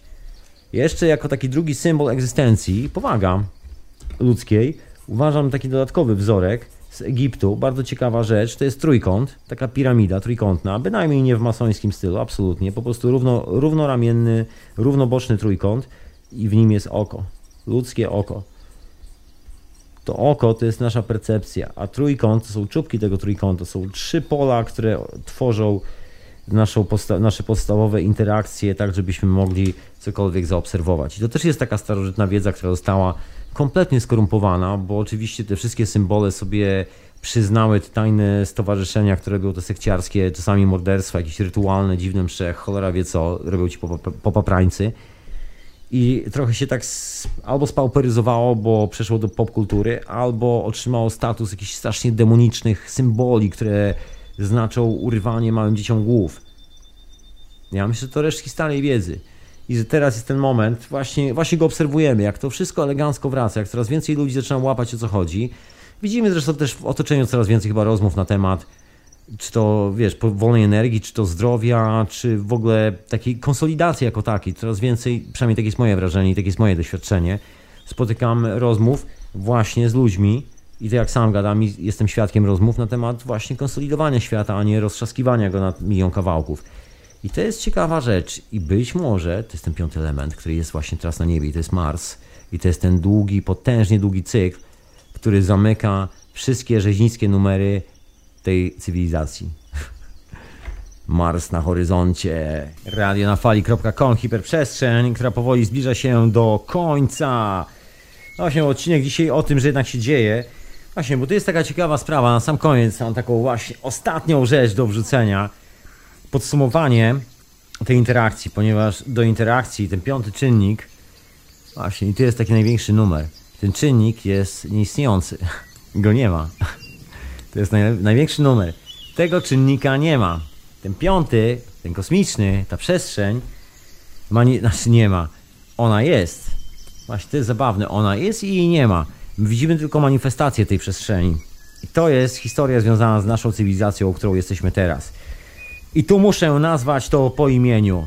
gdyż jesteśmy dokładnie cywilizacją kanibali. Zjadamy sami siebie, zjadamy swoje własne pola emocjonalne, czy to najlepsze, czy to najgorsze, po prostu wyżeramy je wszystkie i niszczymy je doszczętnie. Jak to się dzieje? Prosta sprawa. Nasze pola aminokwasów to są chmury, które nad, nad, to są chmury, które nad nami latają. Kiedy oddychasz, kiedy cokolwiek robisz, się pocisz. Wszystkie te rzeczy wędrują sobie do góry i wiążą się w pole aminokwasów. Jeżeli sprawdzisz chmury, nagle dowiesz się, jeżeli sprawdzisz sobie w ogóle temat, co tam się dzieje, to odkryjesz całą gałąź oficjalnej nauki, która mówi o takich bakteriach, siakich bakteriach, siamtych bakteriach, które, ma, które żyją w tych chmurach. I są takie ciekawe właśnie pytania, i to są oficjalne pytania nauki, takiej, wiesz, bardzo mainstreamowej, która nie chce dopuścić pewnych rzeczy do siebie, że skąd się bierzą te bakterie w chmurach? To niesamowite, żeby w takiej, wiesz, sferze, gdzie jest takie promieniowanie, gdzie jest taki prąd, gdzie jest takie, takie wszystko i taki wiatr, i takie ekstremalne warunki, cokolwiek żyło w tych chmurach, to teoretycznie powinna być tylko i wyłącznie skroplona para wodna. Ale to nie jest skroplona para wodna. Para wodna się czegoś trzyma. Para wodna się trzyma za pomocą niewidzialnego składnika, który jest wytwarzany przez pola aminokwasów, bo aminokwas to też taka cząsteczka, mikro-mikro, pole grawitacyjno-magnetyczne i działa jak magnesik. Jeden aminokwas z drugim. Jeden z drugim. Tak się elegancko klei. I to jest jedna część naszych pól, które sobie tworzymy na tej planecie. I teraz, jeżeli wylejesz inne aminokwasy, na przykład cudzą krew, no to w tym momencie tak zasypisz to całe pole, że się w głowie nie mieści. Nie ma żadnej szansy, żeby, żeby po prostu nie trafiło do ciebie. Jeżeli tam jest jeszcze cierpienie, a wiadomo, że też masz taką substancję, masz dokładnie te same składniki chemiczne krwi, jak jakikolwiek inny człowiek na, na tej planecie, niezależnie od koloru skóry, to cokolwiek mu zrobisz, jeżeli jego krew się poleje, to w tym momencie wszystkie emocje związane z tym stanem automatycznie wędrują do góry, do chmurek i sobie latają dookoła ciebie. I dzięki temu czujesz się jak kawał gówna. Cały czas, a twoje dzieci jeszcze bardziej, bo twoje dzieci dorastając będą korzystały z tej puli informacji, ponieważ w aminokwasach jest pula informacji, z której korzysta DNA. I w tym momencie mogą być pewne historie związane z tak zwaną pamięcią mięśniową, bo w tym momencie pole aminokwasów jest tak mocne, bo jest z ludzkiej krwi, to jest najmocniejsza substancja, jeżeli chodzi o radiację w dziedzinie aminokwasów, jeżeli chodzi o interakcję z ludzkim organizmem. Dokładnie, ludzka krew. Jeżeli tam wyślesz ludzką krew, to normalne jest to, że ona będzie towarzyszyła przy procesie powstawania nowego życia i każdego życia na tej planecie, do pewnego stopnia oczywiście, mniejszego lub większego. To jest taka podstawowa historia i to jest tylko i wyłącznie połowa tego obrazka. Druga połowa znajduje się dokładnie pod naszymi nogami i nazywa się ropa naftowa. I to są też związki aminokwasów tej planety. To jest wszystko to, co się skrapla, przelatuje, rafinuje i odkłada w tej warstwie pod, pod ziemią. To jest właśnie ropa naftowa. Także jeżeli się zastanawiasz, dlaczego nazwa, nazywam tą kulturę kulturą kanibalów, tą całą cywilizację, bo zżeramy swoje własne aminokwasy, mordujemy się nawzajem, przy czym powstaje potężna ilość aminokwasów z krwi. Przecież każda ta kropla krwi paruje do nieba. Wszystkie te, e, łącze, wszystkie te informacje w tym DNA, przede wszystkim na poziomie emocjonalnym, tak jak medycyna oficjalna już nawet pokazuje, że całe te uszkodzenia są związane z polem emocjonalnym, a nie z polem właśnie fizycznym. Dlatego też są takie niesamowite sukcesy leczenia ludzi, czy to ayahuaską, czy to LSD, czy to psylocybiną, czy to MDMA. I to są oficjalnie, aktualnie, już bez żadnej lipy, substancje, które są uznane za po prostu święty graal medycyny, bo są to substancje, które po prostu, czy chcesz, czy nie, praktycznie leczą ze wszystkiego. Czy to się komuś podoba, czy się nie podoba, to już jest jego problem. Natomiast wyniki badań są jasne i to tak od, od co najmniej 50 lat, bez żadnych, że tak powiem, przerw. Dokładnie te same. Pomimo wielkiej propagandy korporacji farmaceutycznych i prób y, zdyskredytowania wszelkich tych badań, nigdy się nie udało. Wręcz odwrotnie, jedyne co się dzieje to jeszcze większe potwierdzenia, jak doskonale to działa. Oczywiście zmienia to nasze pole emocjonalne, to jest ta historia w nas, że z, zatapiamy się w sobie, szukamy odpowiedzi wewnątrz, bo dzięki temu właśnie cała wyprawa jest już nie na zewnątrz, tylko do wewnątrz. Tam jest ta odpowiedź. I nie zżeramy, że tak powiem, cudzych aminokwasów, tylko produ produkujemy, znaczy jakby, żeby się budować, tylko to nasze pole tym momencie już nie jest takie grawitacyjne, już nie przyciąga tego wszystkiego z zewnątrz, tych wszystkich kawałków aminokwasów, z tych morderstw, całego tego ludobójstwa i ludożerstwa do nas, tylko w tym momencie mamy taką osłonę magnetyczną, która odpycha tą część rzeczy od nas. Dzięki temu informacja, która się w nas znajduje, ta właściwa, zawsze wzorcowa informacja, nie ma problemu z wzorcowym manifestowaniem się. Dzięki temu jesteśmy zwyczajnie po prostu na przykład zdrowi. Albo jakoś tak i żadne licho się nas nie ima. Inaczej nam się myśli, mamy inne sny, mamy w ogóle inne relacje ze światem przede wszystkim. To jest w ogóle istotna sprawa. Zwierzaki od razu czują. Nauka twierdzi, że to zapachy, zapachy, ale zastanów się, czym jest zapach. Zapach to jest po prostu grupa aminokwasów w formie vapor, czyli gazowej. Gdzieś tam sklejona taka kombinacja, bardzo lotna, która sobie wisi w powietrzu. To są dokładnie aminokwasy. Tam jest ta informacja. Że na tym polega ten numer, żeby stworzyć odpowiednie warunki do tego wszystkiego. I tym jednym z najważniejszych warunków jest interakcja naszych własnych aminokwasów jako żywych istot, czyli wszystkiego tego, co robimy z całym kosmosem dookoła nas, bo cała nasza atmosfera, cały filtr, który mamy, to jak dobrze widzimy gwiazdy albo jak słabo widzimy gwiazdy, zależy od kombinacji, jak się okazuje, aminokwasów w atmosferze. Wiesz, że zamglone niebo oznacza bardzo dużą ilość aminokwasów, czyste, przejrzyste niebo oznacza troszeczkę mniejszą ilość i inaczej budujących się aminokwasów. To jest jedna różnica pomiędzy przejrzystym a takim zaćmionym niebem. I teraz zastanawiając się, dlaczego na przykład jest tak, że od paru lat coraz mocniej widać gwiazdy, zauważyłeś?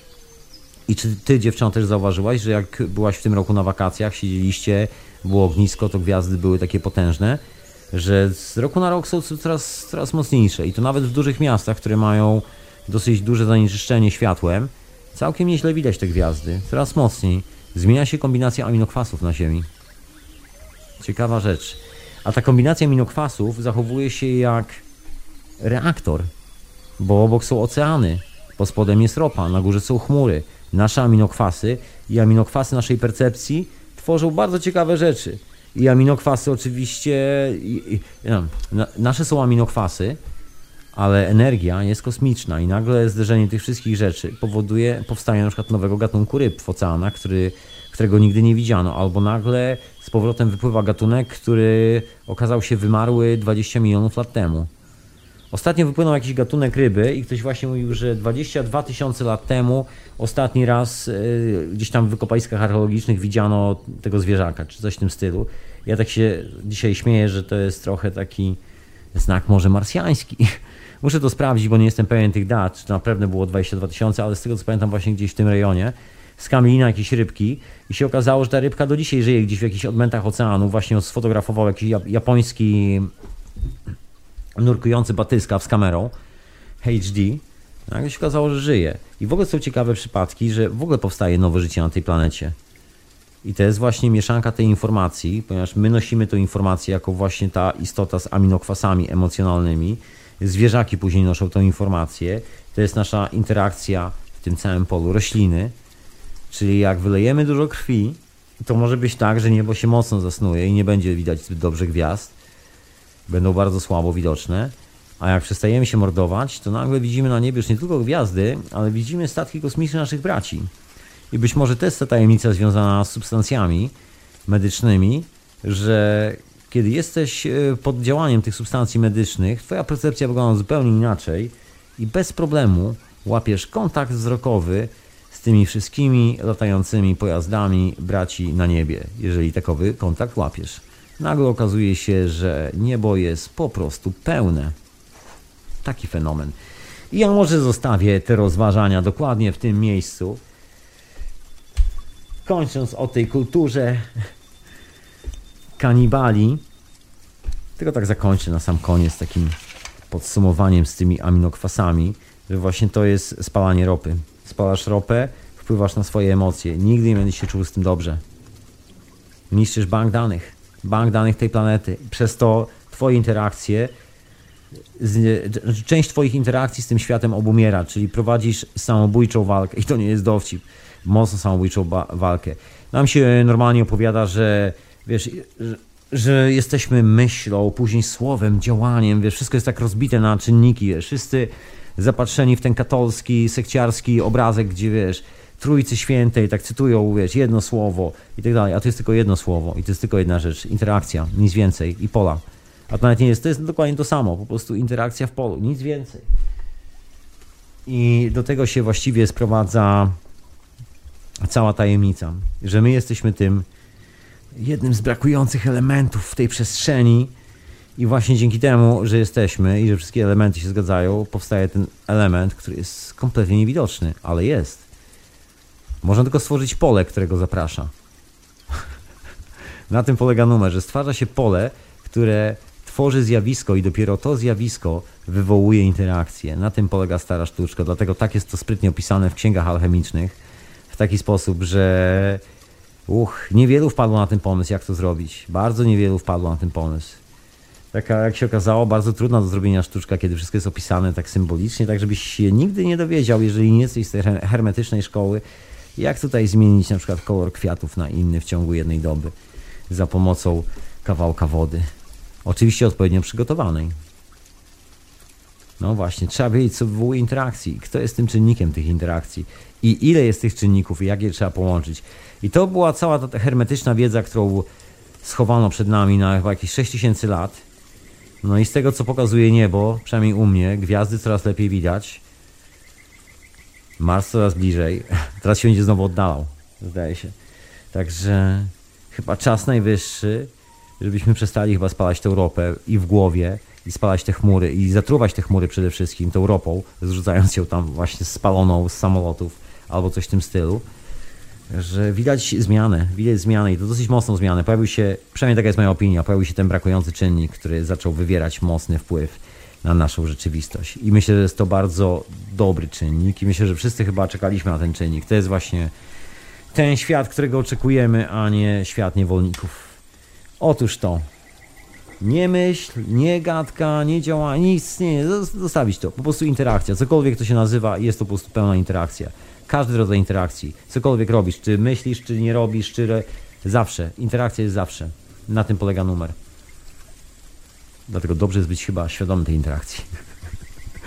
Nieustannej, nigdy się nie kończącej, 2-4 na dobę.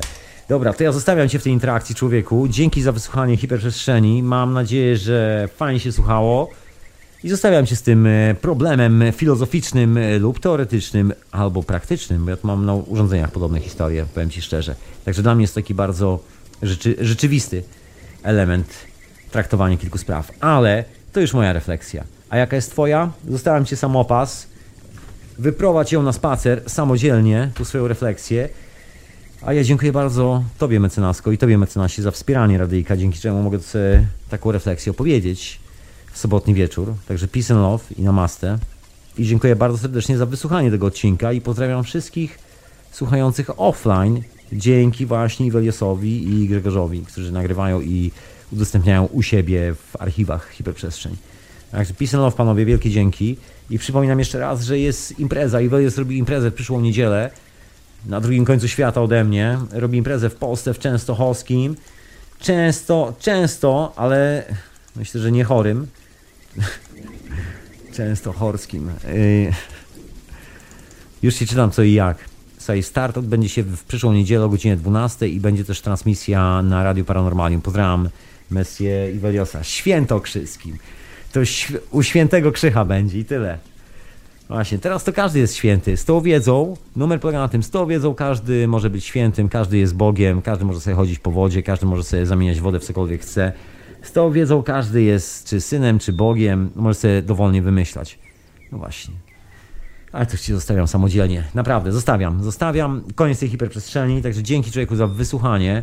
Serdecznie ja przypominam, że zapraszam do księcia Edwarda w środę o 23 polskiego czasu na etykietę zastępczą opowieści z Brazylii od ku, za kulis o olimpiadzie, dokładnie. Tak jak to wygląda naprawdę. Tego w telewizji nie ma.